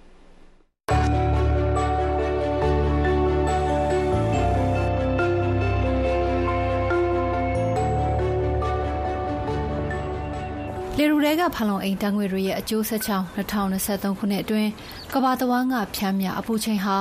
1850နဲ့1900ခုနှစ်ကြားစက်မှုခေဦးကာလမှာရှိခဲ့တဲ့အပူချိန်ထက်1.35ဆဲလ်စီယပ်ကိုကျော်လွန်ရောက်ရှိလာတယ်လို့အမေရိကန်အာကာသစူးစမ်းလေ့လာရေးအေဂျင်စီ NASA နဲ့အမေရိကန်သမုဒ္ဒရာနဲ့လေထုဆိုင်ရာကြီးကြပ်ရေးဌာန NOAA တို့ရဲ့ပူးပေါင်းထုတ်ပြန်ခဲ့တဲ့အစီအငါစာမှာဖော်ပြပါတယ်။ 2023ခုနှစ်အတွင်းမှာပဲကမ္ဘာမျက်နှာပြင်နဲ့သမုဒ္ဒရာရေမျက်နှာပြင်ရဲ့အပူချိန်ဟာလည်း20ရာစုခေတ်တုန်းကရှိခဲ့တဲ့အပူချိန်ထက်1.18ဒီဂရီဆဲလ်စီယပ်ကျော်ရောက်ရှိခဲ့တယ်လို့ NASA နဲ့ NOAA တို့ပူးတွဲထုတ်ပြန်ထားတဲ့ကမ္ဘာအပူချိန်ဆိုင်ရာအစီရင်ခံစာမှာဖော်ပြပါတယ်။1850ခုနှစ်မှာစတင်မှတ်တမ်းပြုစုခဲ့တဲ့အချိန်ကလေးက2023ခုနှစ်ကတော့အပူဆုံးနေလည်းဖြစ်ပါတယ်။ NASA ကညွှန်ကြားရေးမှူး Gavin Smith ကအခုလိုပြောပါတယ် reporting on the temperatures that uh, have been observed uh, around the world uh, for the last year အခုကျွန်တော်တို့ထုတ်ပြန်လိုက်တာကတော့ကမ္ဘာတစ်ဝန်းကအပူချိန်ကိုမနှစ်တုန်းကစောင့်ကြည့်လေ့လာခဲ့တဲ့အစီရင်ခံစာဖြစ်ပါတယ်2023တစ်နှစ်လုံးအတွက်ပါ19ရာစုနှစ်လယ်လောက်ကစပြီးမှတ်တမ်းတင်ခဲ့တဲ့သမိုင်းတလျှောက်2023ခုနှစ်ဟာ အပူဆုံးနှစ်တစ်ခုလည်း ဖြစ်လာတာကို ကျွန်တော်တို့ရဲ့ ရထားတဲ့ data အချက်လက်တွေက ဖော်ပြနေပါတယ် ကဘာတဝမ်းလုံးကဒေတာအများစုရဲ့ဖြမ်းမြအပူချိန်ဟာလည်းတာမန်ထက်ကိုမြင့်တက်ခဲ့တာပါ warmer temperatures uh, overall obviously uh, give rise to uh, longer and more intense heat waves we're we're seeing that in the statistics uh, also အဲ့လိုပိုပြီးပူနွေးလာတဲ့အတွက်အပူလိုင်းတွေပိုပြီးပြင်းထန်ရှည်လျားလာတာကို data အချက်လက်တွေမှာအထင်ရှားတွေ့ရပါတယ်နောက်ပြီးရင်ငွေ့ပြန်မှုလွန်ကဲလာတဲ့အတွက်လေထုကိုလည်းရင်ငွေ့တွေပိုပြီးတော့ရောက်လာစေပါတယ်။ ဒါကြောင့်မိုးရွာပြီဆိုရင်လည်းအတော့ကိုသဲထန်တတ်ပါတယ်။ဒီလိုပြောင်းလဲလာတဲ့အနေအထားတွေကိုကျွန်တော်တို့ရထားတဲ့ data တွေမှာအထင်ရှားတွေ့ရပါတယ်။ဒါကြောင့်ရေကြီးရေရှမ်းတာမျိုးတွေဖြစ်လာရတာပါ။ပင်လယ်ရေမျက်နှာပြင်လည်းမြင့်တက်လာတဲ့အတွက်ကမ်းရိုးတန်းတစ်ဝိုက်မှာရေရှမ်းတာမုန်တိုင်းကြောင့်ရေတွေမတရားတက်လာတာတွေဖြစ်လာတာပါ။ဒီဖြစ်ရမျိုးတွေကိုလူတွေလည်းသတိပြုမိနေကြပါပြီ။တကမ္ဘာလုံးမှာပေါ်ပေါက်နေတဲ့ဒီလိုရာသီဥတုအပြောင်းအလဲတွေကိုမတွေ့ရတဲ့နေရာဆိုတာမရှိသလောက်ရှားပါးပါတယ် အမေရိကန်နိုင်ငံမှာတင်2023ခုနှစ်အတွင်း ပြင်းထန်တဲ့ သဘာဝဘေးဒဏ်ပေါင်း28ကြိမ်နဲ့ ကြုံခဲ့ရပြီး ပျက်စီးဆုံးရှုံးမှုတန်ဖိုးက ဒေါ်လာ1ဘီလီယံထက်မနည်း ရှိခဲ့တယ်လို့ NOAA က ပြောပါတယ်။အပူချိန် ပိုးပြီးတော့မြင့်တက်လာတာကို ကြုံနေရတဲ့ ထင်ရှားတဲ့နေရာတွေထဲမှာ အာတိတ်စဝိုင်း အမေရိကတိုက်မြောက်ပိုင်း အာရှတိုက်အလယ်ပိုင်း အတ္တလန်တိတ်မြောက်ပိုင်းနဲ့ ပစိဖိတ်သမုဒ္ဒရာ အရှေ့ဘက်ပိုင်းတို့ ဖြစ်ပါတယ်။သမုဒ္ဒရာလေထုရဲ့ အပူချိန်ကလည်း2023ခုနှစ်မှာ စံချိန်တင်မြင့်တက်ခဲ့တာပါ။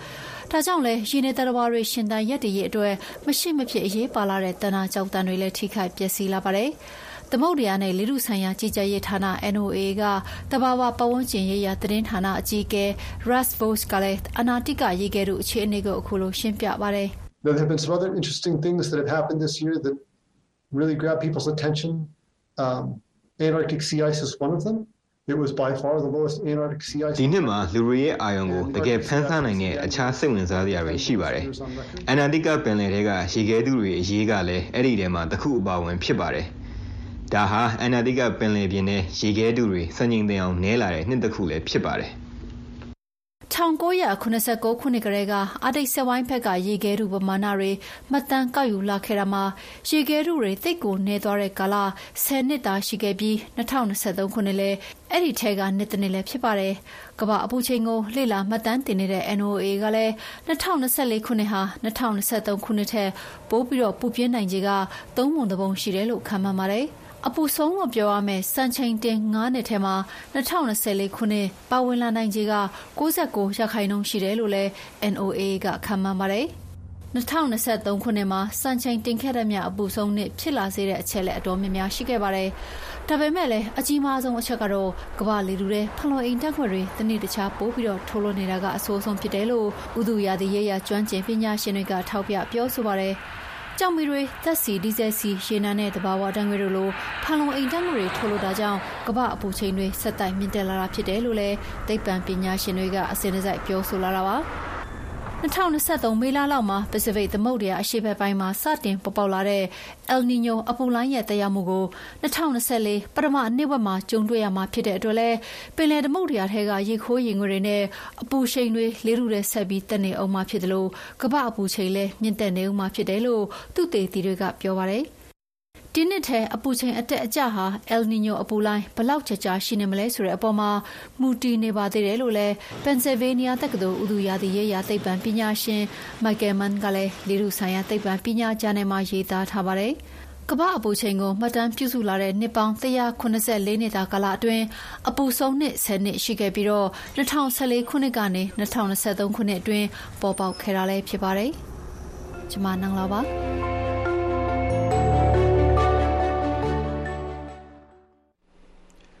ဒါကတော့ဥဒုယာသီနဲ့အနာဂတ်ကဘာအစီအစဉ်ကိုကြည့်ရှုနာတော်တာဆင်ကြရတာဖြစ်ပါတယ်တော်တာရှင်များခင်ဗျာ VOA ရဲ့နေ့စဉ်ထုတ်လွှင့်တဲ့အတန်လွင့်အစီအစဉ်တွေကို voaburmese.com မှာလည်းကြည့်ရှုနာတော်တာဆင်နိုင်ပါတယ်အခုတော့သတင်းအချင်းကျုပ်တွေကိုကျွန်တော်ကပဲတင်ပြပေးပါဦးမယ်ခင်ဗျာ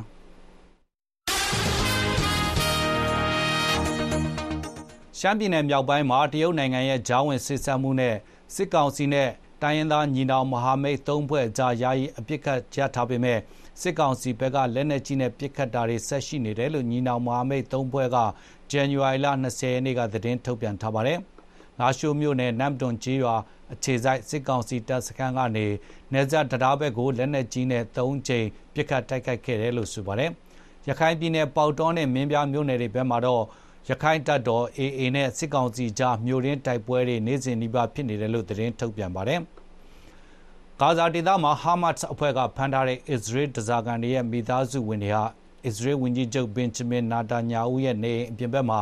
စနေနေ့ကဆန္ဒပြခဲ့ကြပါတယ်။အဖမ်းခံနေရသူတွေလွတ်မြောက်ရေးအတွက်အစိုးရအနေနဲ့ပြတ်ပြတ်သားသားလှုံ့ဆော်မှုကိုတောင်းဆိုပါတယ်။အစ္စရေးကာကွယ်ရေးဝန်ကြီးဟောင်းလည်းဖြစ်အစိုးရအဖွဲ့ဝင်ဟောင်းတူအစိုးရအဖွဲ့ဝင်တူလည်းဖြစ်တဲ့ဂါဒီအီဆန်ကတော့ အပြစ်ကရစဲရေးကသာဒဇာကနေလွတ်မြောက်ရေးအတွက်တခုတည်းသောနီလန်ဖြစ်တယ်လို့မှတ်ချက်ပြုပါတယ်။ရုရှားကယူကရိန်းကိုကျူးကျော်တဲ့စစ်နှစ်နှစ်ပြည့်ဖို့နီးလာချိန်မှာပဲယူကရိန်းရဲ့တောင်းဆိုထားတဲ့အတိုင်းလက်နက်ခဲယမ်းတွေတိုးမြင့်ထောက်ပံ့သွားမယ်လို့ EU ဥရောပသမဂ္ဂအဖွဲ့ကတောက်ကြနေမှာကြေညာပါတယ်2024ခုနှစ်ကုန်ပိုင်းလောက်ဆိုရင်ကြီးမျိုးစုံအ ਨੇ ဆုံး1.3တန်းလောက် EU ကထောက်ပံ့သွားနိုင်မယ်လို့ EU နိုင်ငံ များဈေးကွက်ဆိုင်ရာ ကော်မရှင်နာမင်းကြီးက ပြောဆိုခဲ့ပါတယ်ခင်ဗျာသတင်းချင်းချုပ်တွေကတော့ဒီလောက်ပဲဖြစ်ပါတယ်ဒီကနေ့မနေ့ဖက်အတန်လွင့်အစီအစဉ်တွေကိုထုတ်လွှင့်နိုင်ဖို့တာဝန်ယူခဲ့သူတွေထဲမှာတော့အစီအစဉ်ထုတ်လုပ်ရေးမှုကကိုငိမ့်ချန်အေးဖြစ်ပါတယ်အတန်ဖန်းနဲ့ရုပ်သံအင်ဂျင်နီယာကတော့ James Smith ဖြစ်ပါတယ် VOA ရဲ့အတန်လွင့်အစီအစဉ်တွေကို ဝေဖန်အကြံပေးခြင်းနဲ့စာရေးသားဆက်သွယ်လိုတဲ့ဆိုလို့ရှိရင် email ကနေတဆင့်ရေးသားနိုင်ပါတယ်ရေးသားပဲ email လိပ်စာကတော့ burmese burmese@voanews.com ကိုစာရေးသားပေးပို့နိုင်ပါတယ်ခင်ဗျာတင်တော်ရဲ့တနင်္ဂနွေနေ့မနက်ဘက်အတန်လွင့်အစီအစဉ်တွေလည်းဒီမှာတင်မဲ့ပြီးဆုံးပြီဖြစ်ပါတယ်ကျွန်တော်တို့ရဲ့အတန်လွင့်အစီအစဉ်တွေကိုကြည့်ရှုနားတော်တာဆင်တဲ့အတွက်ကျေးဇူးအထူးတင်ပါတယ်ကျွန်တော်ကတော့ဒီကနေ့အစီအစဉ်တာဝန်မြမှုအဖြစ် တာဝန်ယူခဲ့သူဇော်မိုးကျော်ပဲဖြစ်ပါတယ်သောတာရှင်များဘေးအန္တရာယ်ကင်းဝေးကြပါစေ။